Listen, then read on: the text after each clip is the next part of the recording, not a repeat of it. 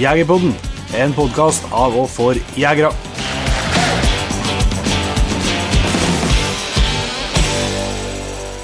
Hjertelig velkommen til en ny episode av Jegerpodden. Jeg heter Jon Petter Meldingen. Tjena, jeg heter Jon Inge. Du, du er på svorsken ennå etter langtur? Ja, det sitter det sitter ennå. Ja, bra. Eh, Her er en litt eh, spesiell episode. Både veldig, veldig, en veldig veldig artig gjest, eh, men òg sesongavslutning, rett og slett. Så vi skal ha oss en liten sommerferie etter episoden her, men vi skal komme tilbake til det. Vi skal prate med Ester Stenhjem, ei dame som flere av dere som hører på, har tipsa om at vi burde ta en prat med. Som rett og slett har holdt på med fuglehunder i 40 år, og har trena opp over 500 stykker av dem. Så vi ble vel rett og slett eh, ganske satt ut av den praten, eh, Jon Inge. Det var utrolig interessant. Ja, det var veldig interessant. Og det er ikke, det er ikke ofte at jeg og du bare blir sittende og måpe. Men, eh, men vi ble jo det ved flere anledninger under, under denne episoden her. Jeg visste ikke helt hva han skulle si, men nei, helt utrolig interessant. Og, og det gjelder ikke bare for fuglehundeiere. Altså, det er jo Nei, nei, nei. I all sak så er det jo dressur det snakkes, snakkes om, og da det er jo Det gjelder jo for alle hundeeiere og kommende hundeeiere. Helt klart. Nei, det var utrolig, utrolig spennende, så det kan jeg klage til. Eh, Jeg må si at jeg opplever det som en av de desidert mest eh, interessante pratene vi har hatt. Så enkelt er det. Ja. Eh, Men det er også sesongavslutning, Inge. Ja.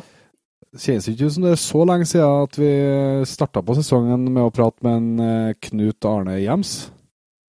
Nei, det, det har gått fort. Det, og vi var jo liksom Satt jo i jula og planla episoder og, og liksom hvordan sendeplanen framover eh, våren. og Det kjennes ikke ut som det er så veldig lenge siden, altså, så det, tida går fort når en har det artig. Men det har altså vært et eh, helt uh, utrolig halvår òg. Jeg syns jo første halvåret av Jegerpodden det tok jo helt av, men det har jaggu ikke bremsa opp eh, nå. Altså, så henger vi selvsagt i stroppen og jobber ganske mye, mye med òg, men eh, så kommer vi ikke helt til seg sjøl. Men det er, da kikka litt på tallene, så det er jo snakk om 250 000 avspillinger. Det er um, vært veldig mye spennende episoder og mye interessante gjester. Ja. Eh, Og så har det jo vært litt sånn eh, vært mest oppturer, selvsagt, og for så vidt, men det har vært jeg, jeg husker, har det jo friskt i minnet ennå, det her uh, gaupesurret i eh, februar. så, så det har jo vært, fått prøvd seg litt. og Vi har jo tross alt det er kommer ikke på riktig hver dag, men det har jo tross alt vært på Nytt på Nytt og vært på uh, Satiriks og greier, så, så har jo fått, uh, fått litt omtale òg. Ja, det, jeg tror vi dropper det i februar 2020. ja. ja, vi skal på noen bilder av må, må få til noe gøy da. Ja, ja, ja. Uh, men uh, også har det jo selvsagt uh, vært kjempeopplevelse med at det har eh, vi har begynt å eh, Ja, dere som hører på, har jo støtta opp oss eh, så det holder i, i mange forskjellige sammenhenger. Vi har jo Team Jegerpodden slo jo til på og bestilt massevis av eh, Team Jegerpodden-klær. Det skjer jo av og til at jeg ser en bil eh, både med Jegerpodden-klistremerke eller Team Jegerpodden-klistremerke, og da er jeg jo lettrørt, da, men da er jeg bare så vidt jeg klarer å holde meg. Ja. Så, så det har blitt litt uh, faktisk begynt å tatt inn noen eh, kroner òg. I hvert fall fått uh, Nå kan vi jo si at vi er i null, så, så det er jo kjempe, kjempemessig. Og eh, det har liksom løsna litt. Eh, Camp Villmark eh, var en stor opplevelse å få prate med, med så mange av dere som sitter og hører på oss hver uke. eh, og det gleder vi oss veldig til nå når vi skal til, til Elverum på jakt- og fiskedagene. Så jeg håper jo at eh, folk, eh, folk møter opp der. Eh, Jegerpodden live, da Ja. på Lillestrøm. Det var jo ikke uh, helt feil. Nei, da, det, det, jo, det, det er jo så mye som har foregått, og, og eh, det, er, det er jo så mye, mange inntrykk man sitter igjen med, men, men eh, det syns vi skal, vi skal hedre lytterne og, og patrions og alle dem som, som velger å bruke tida si på oss. da, og, Ja, helt og ikke fantastisk. minst velger å, velger å gå med klær med logo på og, og støtte oss med patrions. Og, og så er jo ikke noe som jeg hadde satt pris på, det er jo at vi har begynt å få inn uh, annonsører. Ja, det virker som at uh, vi har begynt å bli tatt litt mer uh, seriøst. Uh, vi hadde litt sånn opplevelser i starten, egentlig, at uh, Og det kan jeg for så vidt se når, når, når, det er to fuglinger som oss som driver og surrer på. Men det faktisk så begynner jo å bli såpass mye avspilling av folk som hører på, at uh, vi er jo Ja, vi er ikke noe mindre enn i jaktmagasinene og, og sånn, så, så, det er artig å se at at bransjen òg begynner å få øynene opp for at dette kan være, være, en interessant arena for dem. Så det er jo selvsagt Og vi skal ikke, vi skal ikke drukne episodene våre i, i, annonsering, det er ikke det som er poenget. Men eh, det hjelper veldig til oss, og, og det jeg tror det hjelper bransjen òg. Så, så, det er jo veldig, veldig kjekt. Mm.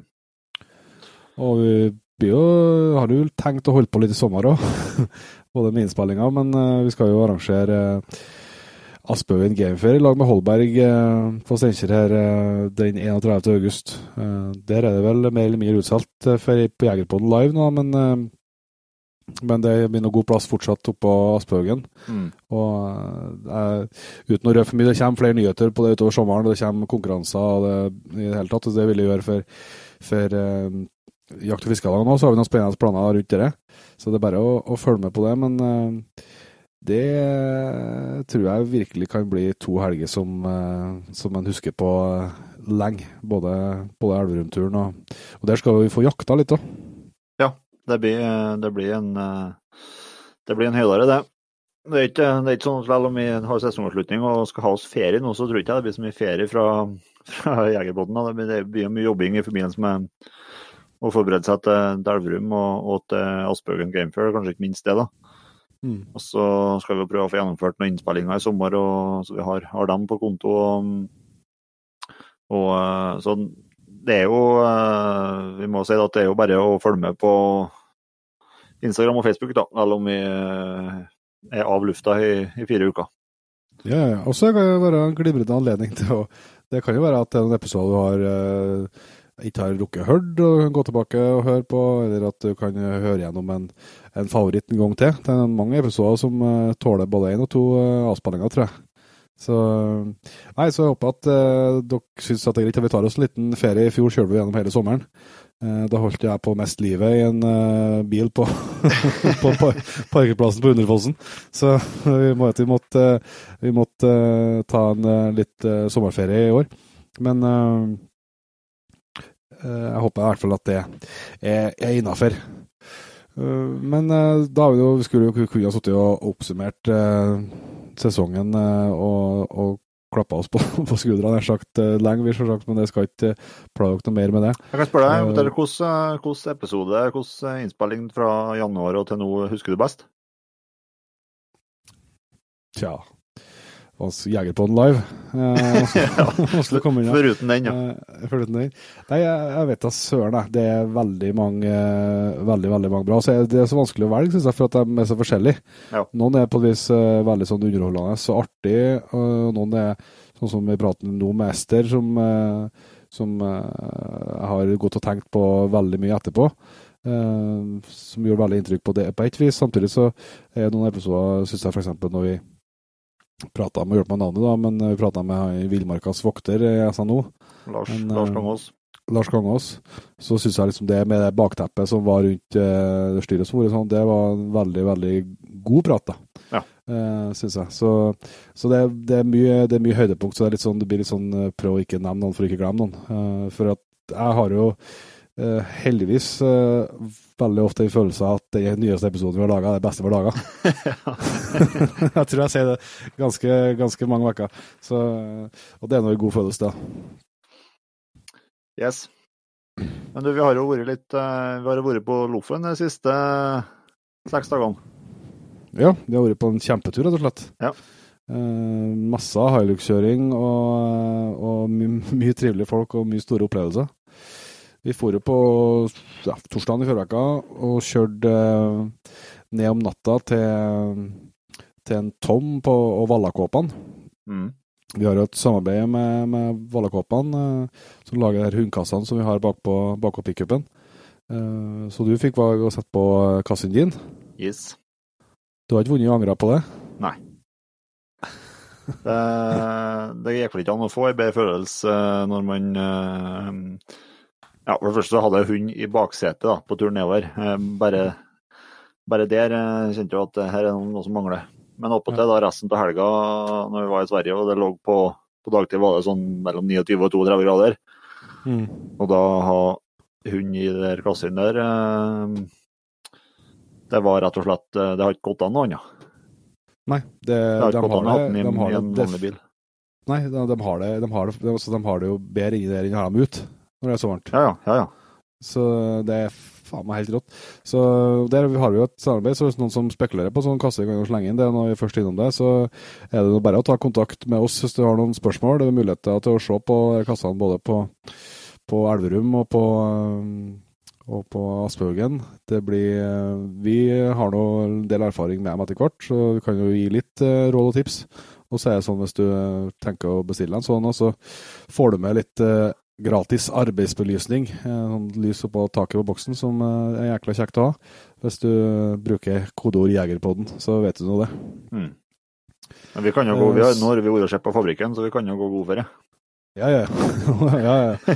Det går glatt god for det produktet der, ja. Både og fantastisk eh, trivelig kar som driver, og Så det, det er ikke noe problem. Men eh, så fra Tom da, så kjørte vi videre til Mamima jakt, Mm. som eh, Ja, altså er, jeg har ikke kommet på noe bedre eh, måte å forklare den plassen på enn en fornøyelsesplass for jegere. Eh, eller fornøyelsespark, heter det vel, for jegere. Det er jo et fantastisk anlegg de har der. For jeg kan jo si det ned, det her er ikke noe spons. Vi har betalt eh, full pris. Eh, fantastisk plass å være. Eh, et enormt imponerende eh, anlegg med ja, det var ti hegn for villsvintesting. Mm. eh, og to hegn for eh, elgtesting. Og så var det noen eh, store jakthegn i tilknytning der, da. Mm. Med enorme mengder vilt. Og de arrangerer noen legendariske andjakter og litt forskjellig inni der. Mm. Så det var knalltøft. Vi fikk jo til og med prøve oss på langholdsbanen deres. Det var en ganske en langholdsbane ut til 1000 meter. Og de har en stor leirdubane. Så der kan jeg, går det virkelig an å, å slå i hjel noen timer. Mm. Men altså, også liksom så bra opplegg, for det var, det var jo forskjellige størrelser på hegnene øh, og forskjellig lynne på grisen. og det var liksom, De har liksom et, en aktuell, et aktuelt hegn og aktuell gris for hver en hund, kan en si. Mm, absolutt. Så, og det gikk jo for eh, Det var kanskje av oss to som var som var mest spent på hvordan det skulle gå med testinga Mm. og, og treninga. Det gikk eh, egentlig ganske bra, syns jeg. Jeg fikk jo i hvert fall de svarene som var på. Det som hadde vært utfordringa mi, var jo at ungen min Tinka har ikke eh, Hun hadde ikke Hun skjelte ikke i fjor. Hun, hun gjorde det noen ganger, men, men spesielt en runde så var hun helt stille i lag med elgen i flere timer. Og det har jeg jo spekulert mye på hvorfor, og hva jeg skulle ha med. Så det å få Når du kom dit på og slapp på fredagskvelden eh, og hørte uttaket og at eh, losen gikk, så må jeg si at det var ganske varm i hjerterota en, en periode der. Så det ble egentlig veldig fin los eh, første, første kveld. Ja, ja. Det var, det var artig å se på det. Så, og så får du jo Ja, de er jo det, Grisen er jo Du kommer ikke bortåt den sånn sett, men eh, det er jo, de er jo litt eh, en del tammere selvsagt enn de vil være i i hvert fall i det hengende der, da, enn de vil være i skogen. Så du får liksom studere losarbeidet og sånn òg, så eh, og det kunne hatt åpenbare forbedringspotensial, det, altså. Men det, du får i hvert fall se, se og, og følge med hund, så det var lærerikt. Mm. Samme på elgen, da ble det los. Uh, fin los når uh, all den tid elgen norska å gå, gå opp og gå. Men det, var varmt å være elg òg, så vi kjørte ikke på så hardt som elgen la seg. Så, så ble det litt tamt å, å være her og frista mer å, å springe rundt og surre. Eh, men eh, alt i alt så fikk jeg i hvert fall de svarene på at det, det er lyd, og da er det noe håp, da. Ja. Tror du har, øh, du har litt mindre å tenke på hver dag nå. ja. har det. Men eh, altså, det, for all del, det er mye arbeid som gjenstår for å få henne til å bli en bra jakthund, ja.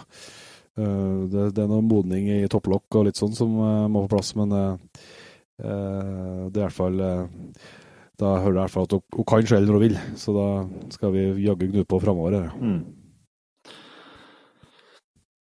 Og så var Ja, vi, vi hadde med oss en kamerat til oss som, som slapp en hjemtun. Martin, ja. Legendarisk, bra los. legendarisk Martin.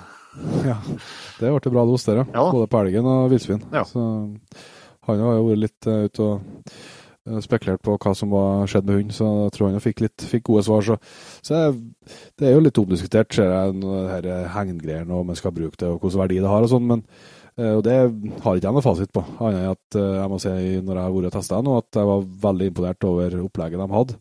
Og det ga i hvert fall min ga meg gode svar. Mm. Og så igjen da hvor stort utbytte hund har av det. Det er noe selvsagt vanskelig å sette noe fasitsvar bak, da. Ja.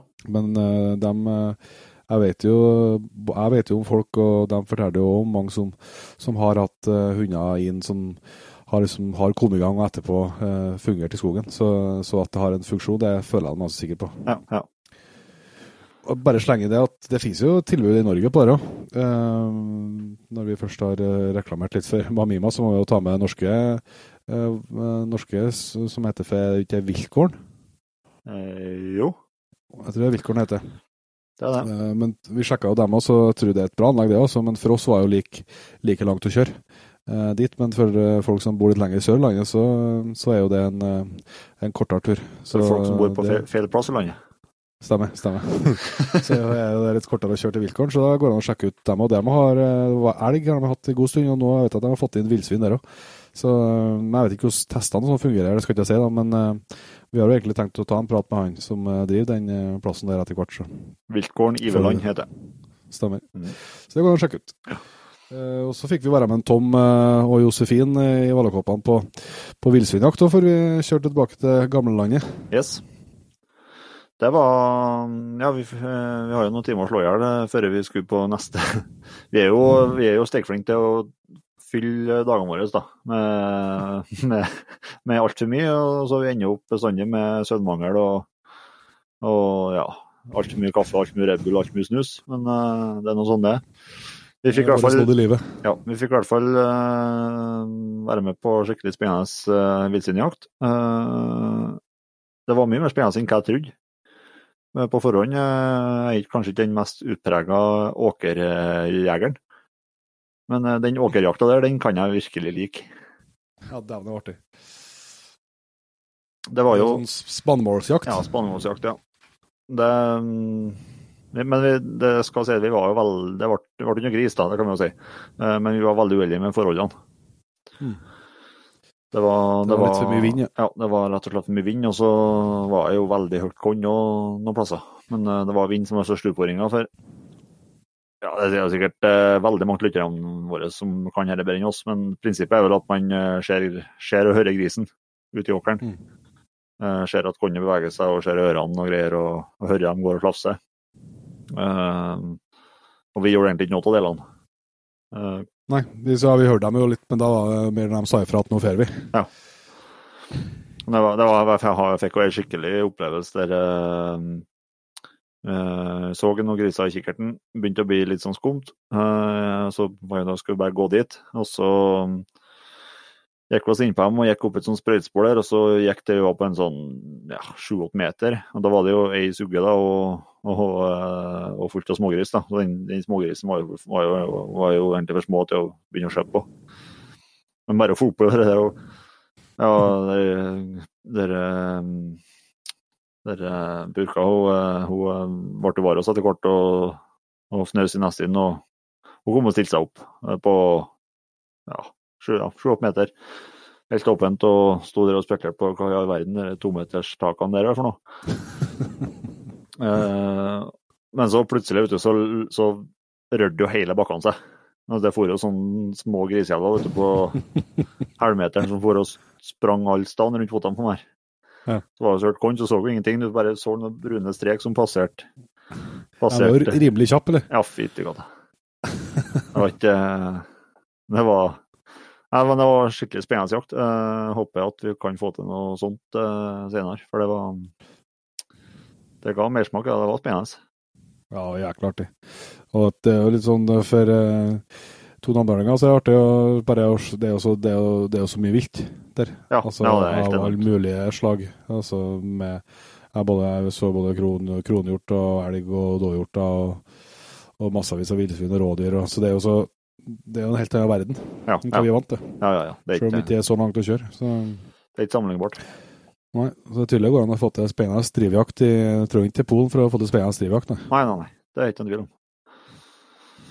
Nå så vi var ferdig der, da. Klokka ferdig å jakte der klokka halv tre, ja, to-halv tre. På natta, ja. Ja, da var det ikke mange timer til vi skulle være på, på Flå. Så da sette seg i bilen igjen og drikke Red Bull og kaffe og kjøre til Flå, da. Mm. Jeg ble invitert på et sånn eh, ja, et, medieevent, han kalte det, som, eh, med, med, som var arrangert av eh, ja, det var Atec og Size og Norma og Blazer og GRS. Jeps. Eh, Så, så det var jo egentlig å få ferde rundt på skøytebanen på første gang, ferde rundt på skøytebanen på Flå der og, og teste veldig, veldig mye artig våpen. Ja. Vi har mange forskjellige fasonger og grener, og alt ifra på 100-meteren med mye forskjellig eh, mye forskjellig artig. Og det var litt eh, Jeg husker på en motbjørn som kommer imot, og var på Leirdubanen litt. og Mm. Prøvde litt langholds eh, Ja, semilanghold i hvert fall. eh, Der. Eh, Så det var jo jækla artig. Det var mye høydepunkt der. Ene for min del var å få prøve den R8 Silence, som jeg sto på et sånt blazer rødpungsikte på. Yes. Dæven, jeg skjøt godt med de greiene der. Ja, det var, det var en fryd, ja. Det var det. Jeg vet ikke om det var børsa eller om det var sikte som gjorde det, men uh, altså, ja, børsa i seg sjøl er jo en drøm da, med veldig lite rekkehull og enormt fin balanse med den heldempa, heldempa løpet. Og ja, det rødpunktsiktet Jeg skjønner ikke hvorfor, jeg, hvorfor man skjøt så godt med det, men man gjør nå det. Men eh, jeg tror det har noe med, som du snakka om, at man liksom Det er ikke mulighet til å ligge og finsikte, så man bare klemmer på når man tror man er der. Mm. Og så treffer en. Altså, det var knall. Det var mye artig der. Jeg fikk jo testa Det er jo vi Blazer fanboys, da. Vi har jo innrømt det før, så det er klart når vi får uh, muligheten til å tafse på x antall uh, blazere, så, så ser vi jo ikke nei takk, da. Uh, det var nå jeg fikk testa der uh, 22-kittet til R8. Ja. At du bytter ut det, så det var noe Det var ikke all verden til poff i det, gitt. Men det var jækla artig å, å leke seg med. Eh, jo, for meg var det interessant å få prøvd å skutte litt skikkelig med, med forskjellige GRS-stokker. Ja. Jeg har jo så vidt prøvd det før, men uh, da fikk en litt mer uh, erfaring med dem. Eh, jeg røk nå rett og slett på en, eh, en sånn Bifrost-stokk, så jeg skjønner jo hvordan det, hvordan det kan synes om dem. Ja, Eh, jeg, skal, jeg, jeg må gjøre en liten sånn uh, beklagelse her nå, for at jeg har jo uttalt den der Bifrosten som en uh, litt jålete stopp for.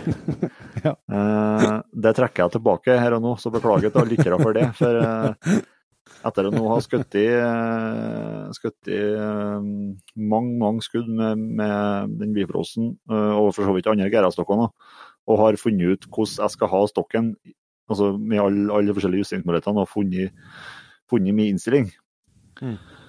så kjenner jeg jo veldig på at jeg er lei meg for at jeg har R93. eh, For det, det er ikke så veldig mye utvalg til R93 i, i Bifrost eller Berserk og sånt. da. Så da, da er det eventuelt den der eh, Ragnarok, den med pistolgrep på. Ja. Som er muligheten, så er Den blir litt jålete, eller? Blir dessverre litt tung, da. Jeg skal ærlig innrømme, ha, ha de hatt, eh, ha de hatt eh, Bifrost i R93, så hadde nok blitt en sånn på meg.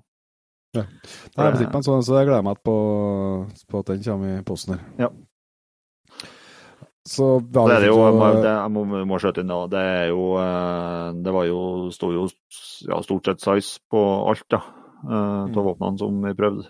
Eh, Det var vel noe blazerkikkerter, men Ja. det er jo Ja, det er, ja, det er jo ja, Optikken er jo i, i særklasse, det er jo ikke noe Ja, det, det er jævlig mye bra. Det var tøft på der jeg fikk testa uh, Her blir jo litt nerding, da, men eh, den eh, RF-en, altså håndkikkerten til, til Size som er kobla mot, mot kikkertsiktet.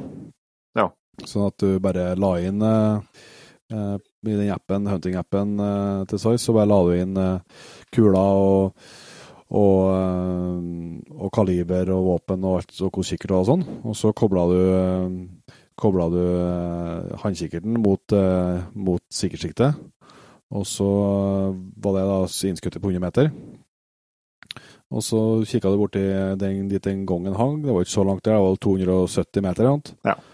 Eh, Mordu fikk du opp punktet, og du fikk opp graderen uh, og temperatur og all mulig informasjon. Og så bare ett klikk til, og så var informasjonen der over på kikkertsjiktet. Og midt i. Så det, det er det da stille greier, altså. Ja, det er det. Det, er- det er helt rått. Det er utrolig utvikling, ja.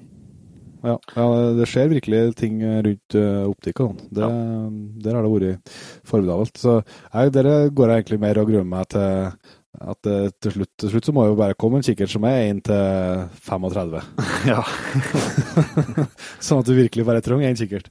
Det, for det er liksom eh, Jeg hadde ikke så Det var liksom tregangen, og så begynte jo firegangen, og så ble det liksom toppkikkertene gikk til seksgangen, og nå er det jo, er det jo veldig mye åtgange. ja, ja. Så, så det har, eh, den utviklingen fortsetter jo sikkert. Så må jeg nevne, Vi fikk jo prøve noe som ikke jeg prøvde for. da, eh, Anders i Atec hadde jo med noe håndvåpen. våpen, Ruger og Ja. Nei, eh, ja, Luger og MP5. Så mm.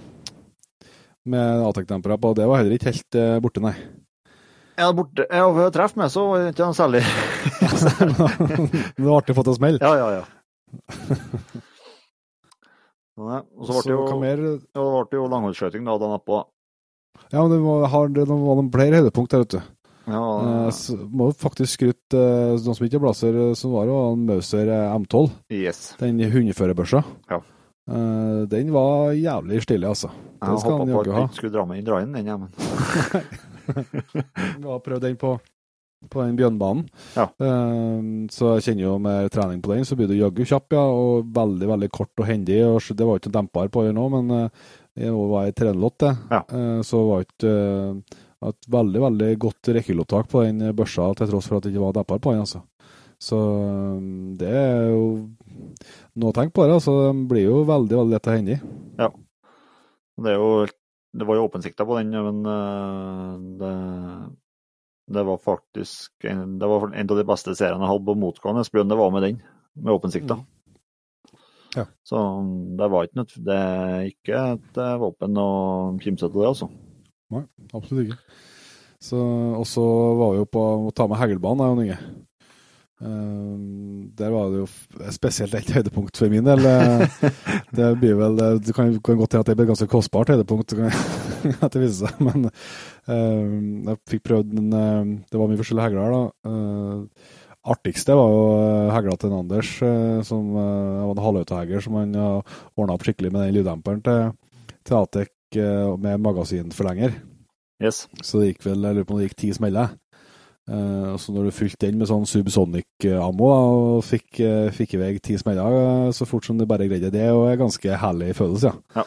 Det er nødvendigvis ikke så aktuelt i, ikke aktuelt i jakta, selvsagt, men, eh, men jæklig artig våpen å skjøte med. Men eh, høydepunktet der var jo en uh, Blazer F-16. Eh, det er rett og slett det rareste jeg har opplevd på en skytebane en gang, det tror jeg. Eh, så jeg var henta til hegla, og jeg traff jo på alle skudd. Jeg tror, altså, Hvis ikke jeg kommer på feil, så kan jeg fortrengt noe. Jeg vet at jeg bomma på ett skudd, men da tok jeg dua på, noen, på skudd nummer to. Eh, ellers så satt pinadø alt. Jeg vet ikke hvor mange smeller det var, men eh, jeg har jo nesten ikke skutt med hegl på bane de siste eh, tre årene. Nei, og Sist kongen gjorde det, så traff du ikke. Nei, er så gudene mest, altså. Og jeg var jo henta til noen flere hegler eh, og prøvd, eh, som også sto der, eh, forskjellige typer. Uh, både Blazer og Franchi, men så det der det gikk sånn som det bruker å gå, skal jeg si. Og når jeg tok tilbake i F-16 igjen, så begynte jeg å treffe igjen. Mm. Så det var Den måtte jaggu passe meg noe helt uh, besett, så jeg ser ikke bort ifra at jeg må se dypt inni hodeputa om det går an å, å få til seg sånn, ja, altså. for det gjorde virkelig inntrykk, ja. Feriepengene er brukt opp. Ja, ja, ja, lenge siden. Lenge siden. Vi har jo en eh, annonsør denne vekka her òg, og det er vi jo veldig glad for. Og det er jeg faktisk så glad for at vi måtte eh, ta en prat med en av dem som eh, står bak markhusene. Og det ble deg, Jon Inge Brakstad, velkommen til Jegerpodden. Takk skal du ha. Eh, Vi lurer jo rett og slett på Vi har jo noen gode argumenter for det, men eh, må, vi må jo ha rett fra kilden. Hvorfor er, hvorfor er folk skal handle til markhusene? Ja, det er et godt spørsmål. Eh, vi prøver å skjære oss litt ut, da. Prøver å selge først og fremst det som vi bruker sjøl i skogen. Har en del egne importer, så vi har, vi har en del produkter som du ikke finner så mange andre plass. Så mye av det finner du, finner kun hos oss da, i, i, Norge. Uh, vi har jo Eh, annet importen på Fox Bullets, eh, som er noen veldig bra homogenkuler fra Slovenia. Så har vi eh, Jakelei fra Tyskland, som er en del sånn utstyr til, til våpen, først og fremst. da. og noe våpen. Eh, og så vi, deler vi jo litt på importen på bearskin. Det er jo vi som har mest av det. Så det, ja. Det er jo først og fremst det da, at vi selger, vi, vi selger først og fremst det som vi sjøl eh, bruker. Det er jo et, eh, et, konsept som går an å like det. Så har dere gjort det en del av, av vinterjakt òg? Ja, vi så det at vi vi fikk veldig mye bedre tilgang på, på produkt når vi, når vi ble med Interact og, og, til veldig konkurransedyktige priser. Så, det, så, at vi skal ha muligheten til å tilby, tilby alt det kundene våre ønsker å ha, da, så, så fant ut at det var en god idé å bli med på vinterjakt. Mm. Kult. Så, det, så du òg tenker at det er gode grunner til å sjekke ut markhusene.no? markusene.no? Det er mye gode grunner til det, ja. Og der er jo rabatt med Jegerpoden, så blir det gratis frakt. Ja, stemmer. Og hvis en lurer på noe, sender på en melding på Facebook til dere, så er det gjerne du som svarer? Det er stort sett det, og vi prøver å, prøver å kikke litt alle sammen, men eh, det er stort sett jeg som eh, er innpå der. Ja. Yes, da sier vi takk for at du ble med en liten sving, eh, Jon Inge, og så høres vi igjen. Det gjør vi. Nei, det er alvor, det, ja. Og så var det jo trivelig, det var jo trivelig arrangement på kvelden der med ja, middag og trivelig sosialt samvær. Så uh, bare se på langholdsskøyting på tirsdag. Mm, det var styggartig. ja. Det er noen av oss som uh, vet hvordan man skal skal innta væske på, på kveldene, så, så, var det jo kjempeartig. Men de som velger å legge seg med på stigende akevittrus, de eh, har det kanskje ikke så bra.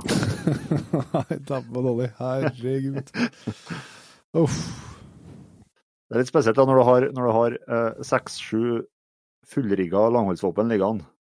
Og Jon Petter Meldingen, da, kvarter før vi skal avslutte, så velger han å kjøre en fem-seks skudd med 22. ja. Jeg lover deg at eh, formen min tillater ikke noe som helst kaliber over 22. Det var helt i grenseland sjøl. Jeg tror jeg vant å få i vei fem skudd med, med, salongen før jeg gikk opp for meg at jeg skjøt med solbrillene på. Så det var forholdsvis, forholdsvis tung i kroppen. Så det var litt eh, nedtur, da. Men det var jo ikke noe annet min egen feil. Neida. Men du fikk jo skutt mye, da. Ja, jeg gjorde det. Så eh, det var mm, Det er jo sjukt å se når du har det rette utstyret og, og ja, alt passer og du har kaliber som duger, så så traff jeg, traf jeg faktisk øh, stålplatene ute på 800 meter. Mm.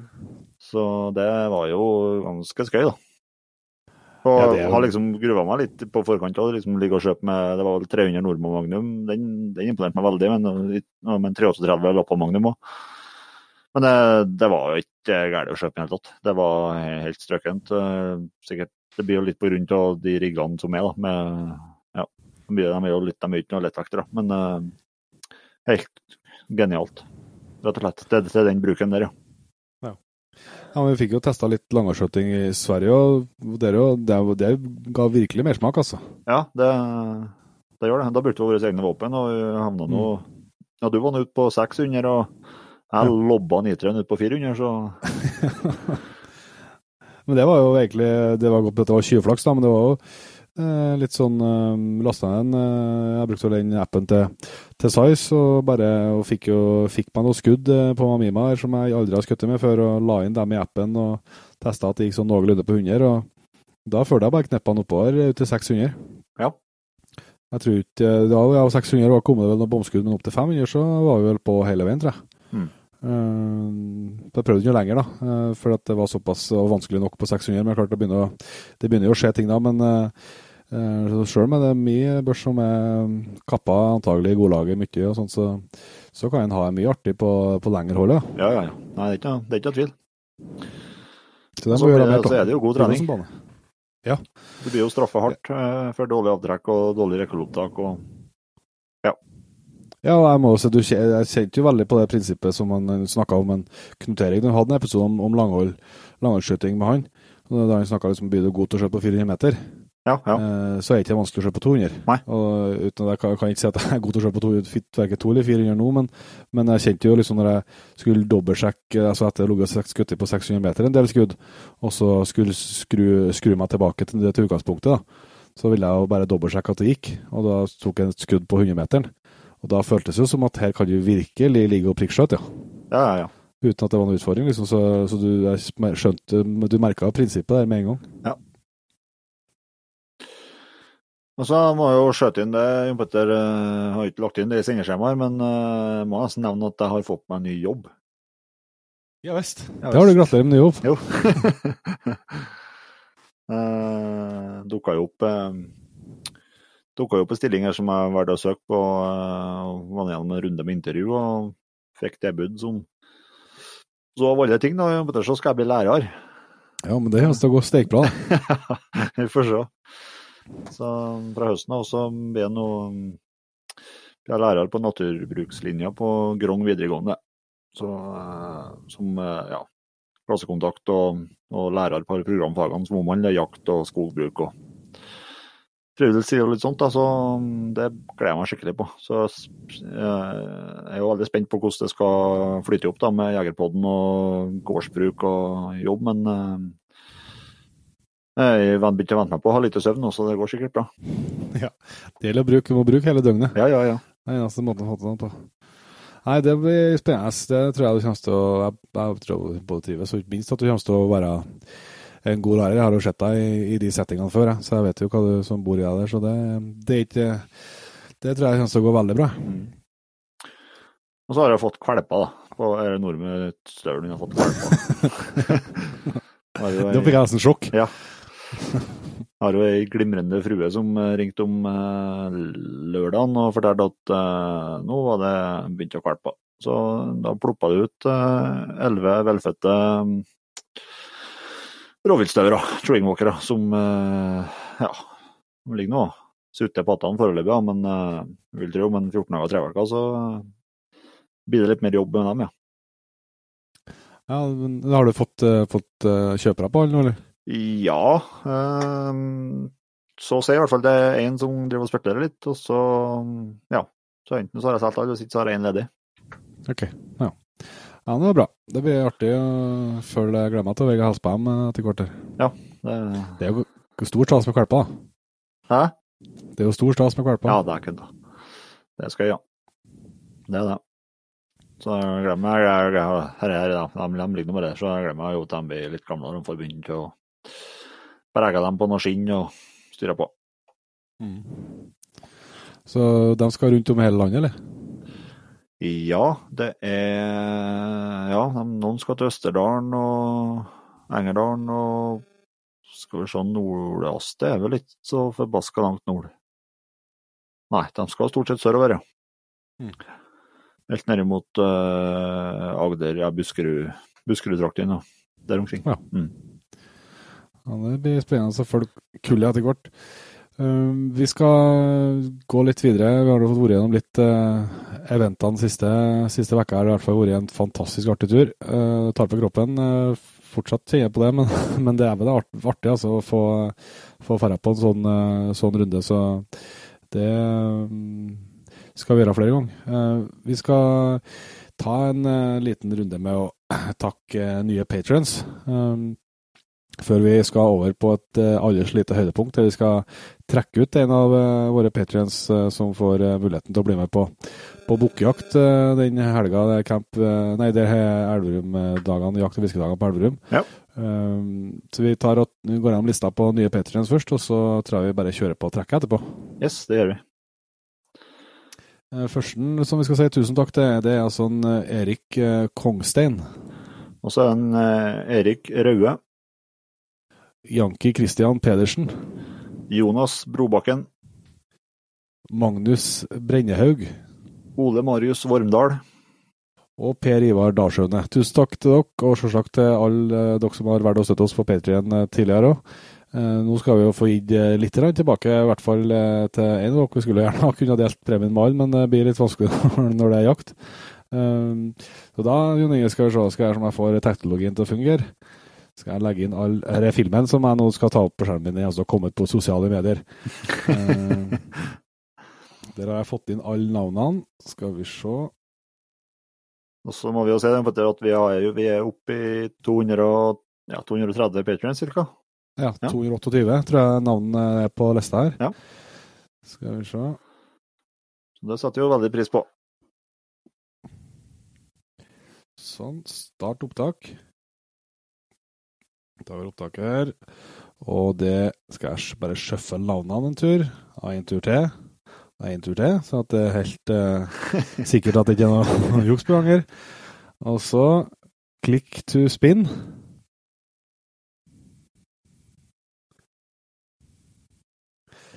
Da kan vi gratulere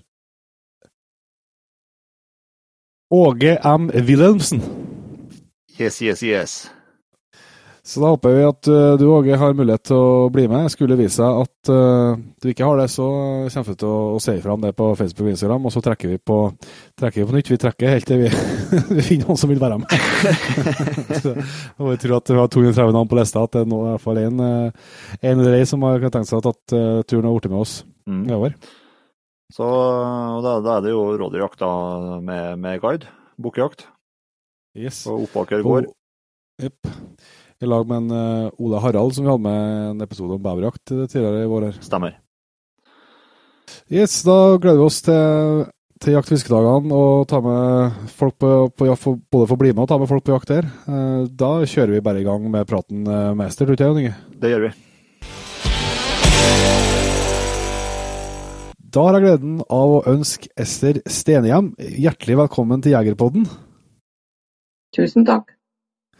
Vi har uh, fått masse tips om at uh, du er dame vi skulle ha prata med, Ester, så her har vi virkelig sett fram imot. Jeg vet jo at uh, du har et, har hatt enormt mye fuglehund, og kan veldig mye fuglehund, så vi gleder oss til å, til å lære mer. Men før vi kjører på fullt, så må vi bli litt bedre kjent. Kan ikke du fortelle litt om deg sjøl? ja, jeg er 59 år og har hatt fuglehund og jakt som yrke i over 40 år. Jeg starta med en engelsk setter fordi jeg fikk den hos naboen. Eh, det, var, det fikk den egentlig fordi han ikke ville ha den, for den slapp han ut om morgenen og den kom ikke hjem før på kvelden. Så jeg fikk det som et umulig prosjekt. Men i min familie så er det ingen som har da gått på jakt eller hatt et våpen noen gang. Og jeg vokste opp på et litt småbruk i Sogndal i Sogndal, i Sogn og Fjordane. Og der skulle jo alle dyr og alt skulle være, brukes, brukes til noe vettig. Og da når jeg fikk den hunden, så tenkte jeg ja, hva kan man bruke den her til, for jeg visste jo ikke det. Men så var det noen som sa til meg at det bor en mann lenger nede i dalen som har pointer, og jeg måtte gå dit og snakke med han, og det gjorde jeg. Så fikk jeg vite hva man skulle bruke dem til. og eh, han var også våpenforhandler, så han sa du må jo ha våpen. Ja, OK, så jeg kjøpte et våpen, så kjøpte jeg våpen hos han og dro nå hjem igjen og skulle gå på jakt med den her hunden som jeg hadde fått hos naboen. Den var ett år gammel da. Og jeg gikk opp på fjellet og slapp hunden. Eller først så prøvde jeg denne børsa, da. Jeg skjøt på løetaket hjemme og trodde det her var kanskje litt skummelt, men etter ett skudd så var det mye smell rundt omkring. Det var kjempegøy, og det var ikke noe problem. Men iallfall slapp den hunden, og det lengste jeg har sett den hunden, det var i fem minutter. Før jeg fikk gå på jakt alene resten av dagen, og den kom hjem om kvelden og den var sulten. Ja. Så jeg tenkte det her går jo ikke an. Det kan jo ikke være sånn man skal bruke de hundene.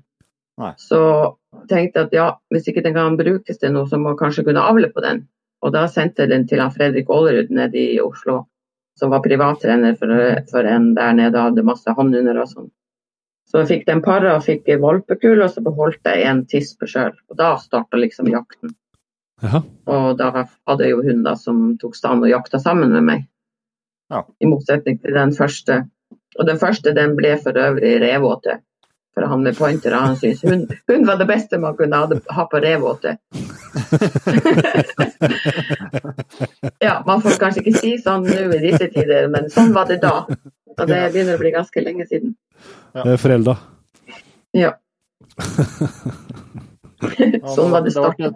Et, det ble et løft opp med, med den nye valpen, da. Ja da, virkelig. Da, men så skulle man jo prøve å trene den, og man snakka jo litt med fuglenfolk og hadde fått noen telefonnummer hit og dit og fortalte hvordan man skulle gjøre det. Og ja, hun ble jo selvfølgelig lydig, men den ble jo lydig på en måte der at den ble skremt til lydighet. Og det Ja, ja. tenkte at det var jo ikke helt sånn som det skulle være. For jeg hadde jo vokst opp på den der småbruket, jeg hadde kontroll på alle dyr på bruket. Det var sauer og kuer og hester, og alle gjorde sånn som jeg sier. Men det var ingen av dem som var redd meg. Nei. Men denne Nei. hunden, den ble på en måte ganske redd meg. Den var usikker. Så tenkte jeg det, det kan jo ikke være sånn at du må skremme den jaktkameraten din til å være lydig, da. Så jeg tenkte jo mye på det opp gjennom tiden, alle de hundene jeg hadde. Så jeg prøvde å utvikle meg sjøl. Og etter hvert som jeg fikk flere hunder, så så jeg hvordan de oppførte seg sammen, og at de stort sett aldri brukte noen store midler eller noe skremselspropaganda for å ha visse regler og kunne fungere bra i lag. Så jeg hadde, har i grunnen opp gjennom tiden apa litt etter de hundene. For jeg har også gjort sånn som de gjør med hverandre for å ha den kontrollen jeg ønsker over dem. Og det syns jeg har fungert bedre og bedre. Og jeg har aldri noen gang vært fornøyd med mitt opplegg, så jeg har stadig gjort forandringer hvert eneste år. Så trener jeg annerledes og prøvd nye ting, og det gjør jeg fortsatt, faktisk. Ja. Jeg, jeg blir liksom aldri fornøyd. Jeg vil alltid oppnå det maksimale ut, eller få det maksimale ut av en hund. Sånn at den kan vise sitt potensial da. Så ja, jobber stadig med å forbedre min egen måte å trene hunder på. Da har du, har du holdt deg til Engelseter uh, utelukkende videre, eller har du hatt flere, altså? Nei, da har jeg hatt omtrent alle stående fuglehunder. Altså de som er mest vanlige, altså strier og forster, breton, irsksetter, masse gordonsettere og engelsettere og langhår og weimaraner. Så har hatt, og så har jeg jo hatt i trening hunder, da. Så til og med hadde en pointer sjøl. Ja. Mhm.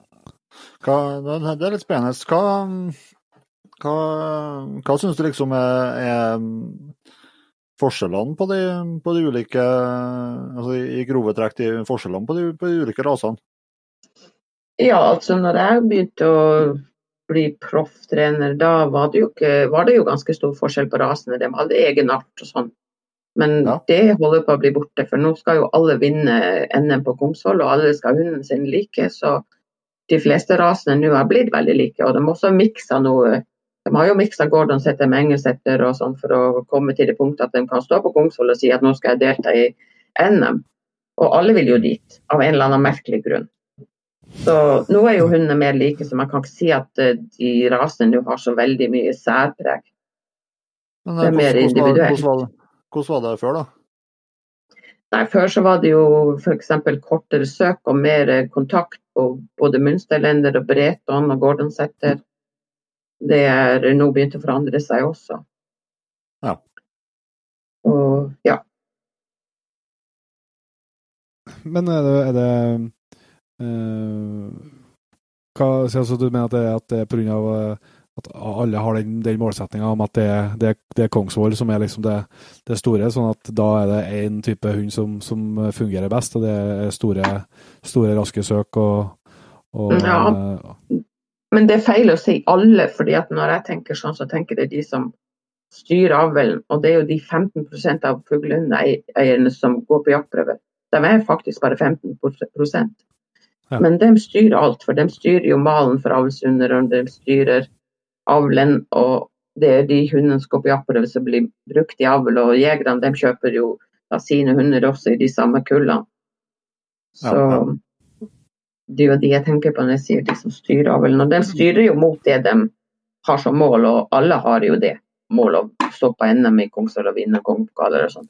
De har det som avlsstrategi i avlsrådene også.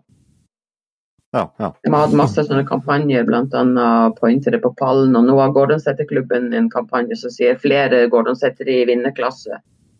Så det går mot en type hund som jeg kaller for konkurransehund. Som kanskje jegerne ikke er så veldig fornøyd med. Eh, Jegerne er jo ikke alltid så dyktige på å dressere, og de har kanskje ikke så mye tid. De er ikke spesialister. De bruker ikke så mye tid på hunden sin fordi det er ikke er en konkurransehund. De vil ha en hund som fungerer som jakthund uten å legge så mye i det. Mm. Og, og da får de problemer. Og mange av dem ringer jo meg. Jeg har jo solgt masse hunder til folk som har en hund hjemme, så de faktisk legger igjen hjemme og ikke tar med seg på jakt. Nettopp fordi at den er en konkurransehund, og den gjerne går på jakt for seg sjøl langt unna, og den finner ikke den igjen, og sånne ting. Mm. Fordi når du skal avle en konkurransehund, så må du faktisk avle på de som er kanskje litt for mye av det gode, hvis du skjønner. Ja, som er helt ytterkanter, ja. Ja.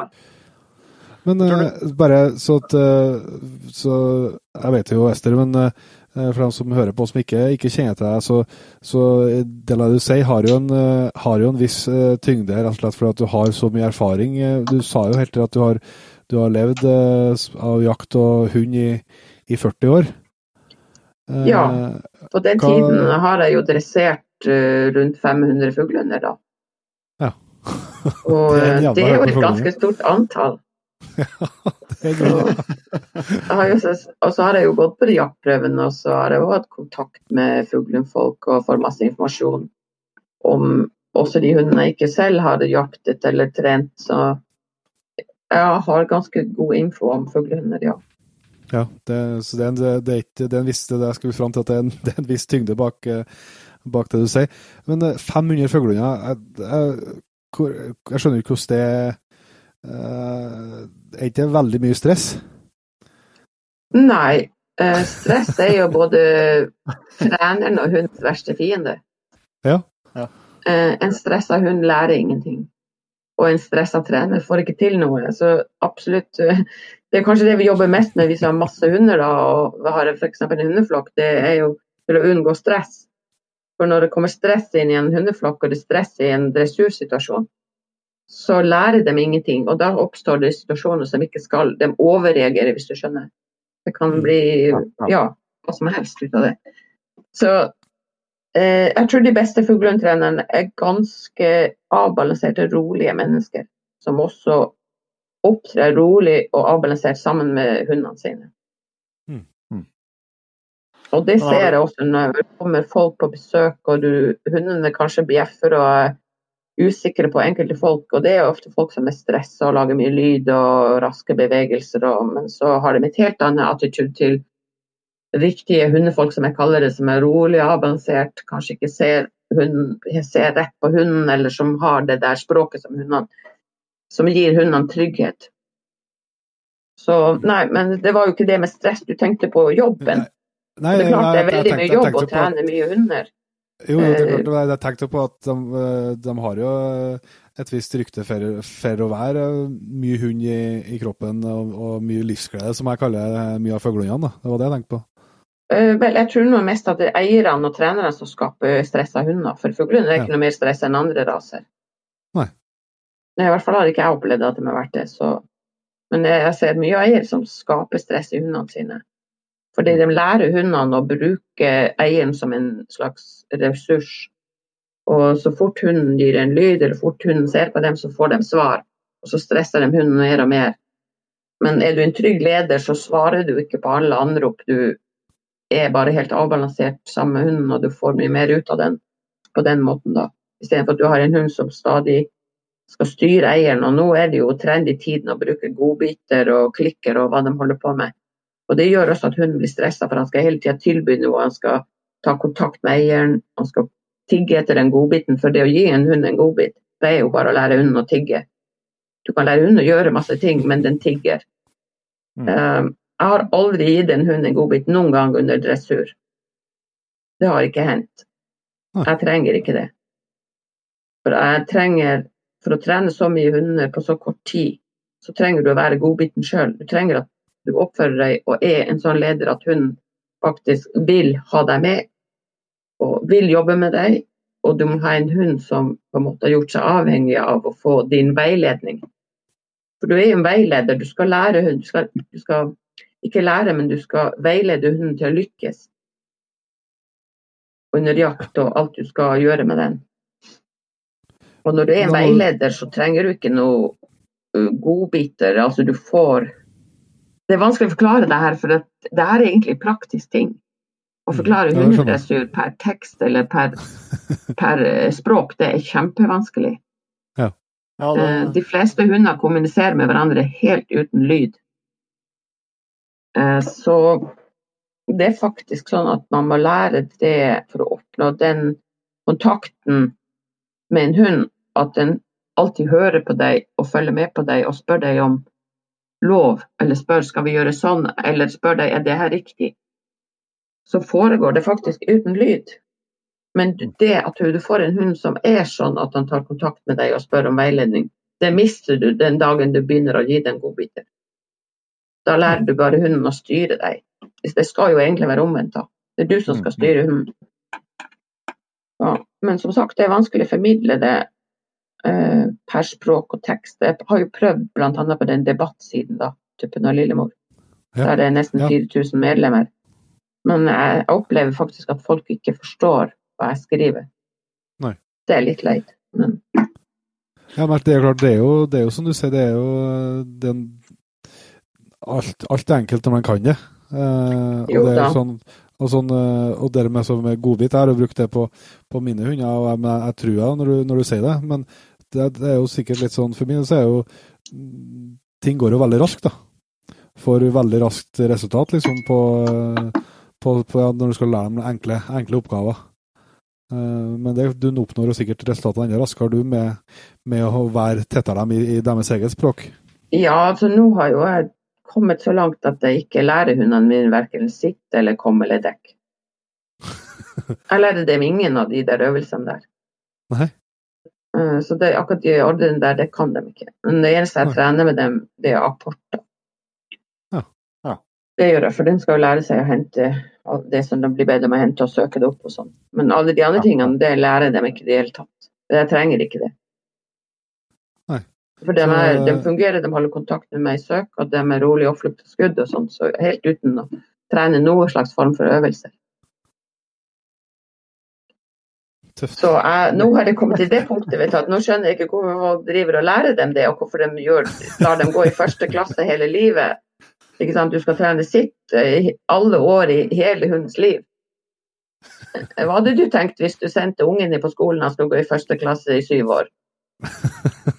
Lære de samme ting? Du, du skjønner at det er noe som er galt. Ja, jeg skjønner når du sier det, men jeg har aldri tenkt sånn på det. Altså. Men det er en form for hjernevasking, men det er bare sånn at en hund blir jo ikke lydig av en hjernevasking da. Han kan jo utføre de øvelsene, men den dagen han tenkte at nå gidder jeg ikke gjøre den øvelsen, så, så funker ikke det, den kommandoen din. Da gjør hunden det som passer den.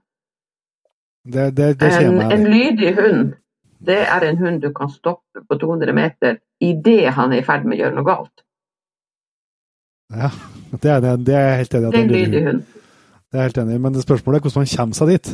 Ja, det er jo det da som er så vanskelig å forklare. Um, Men det er jo det som helst bør vises i praksis. Det er, Ja.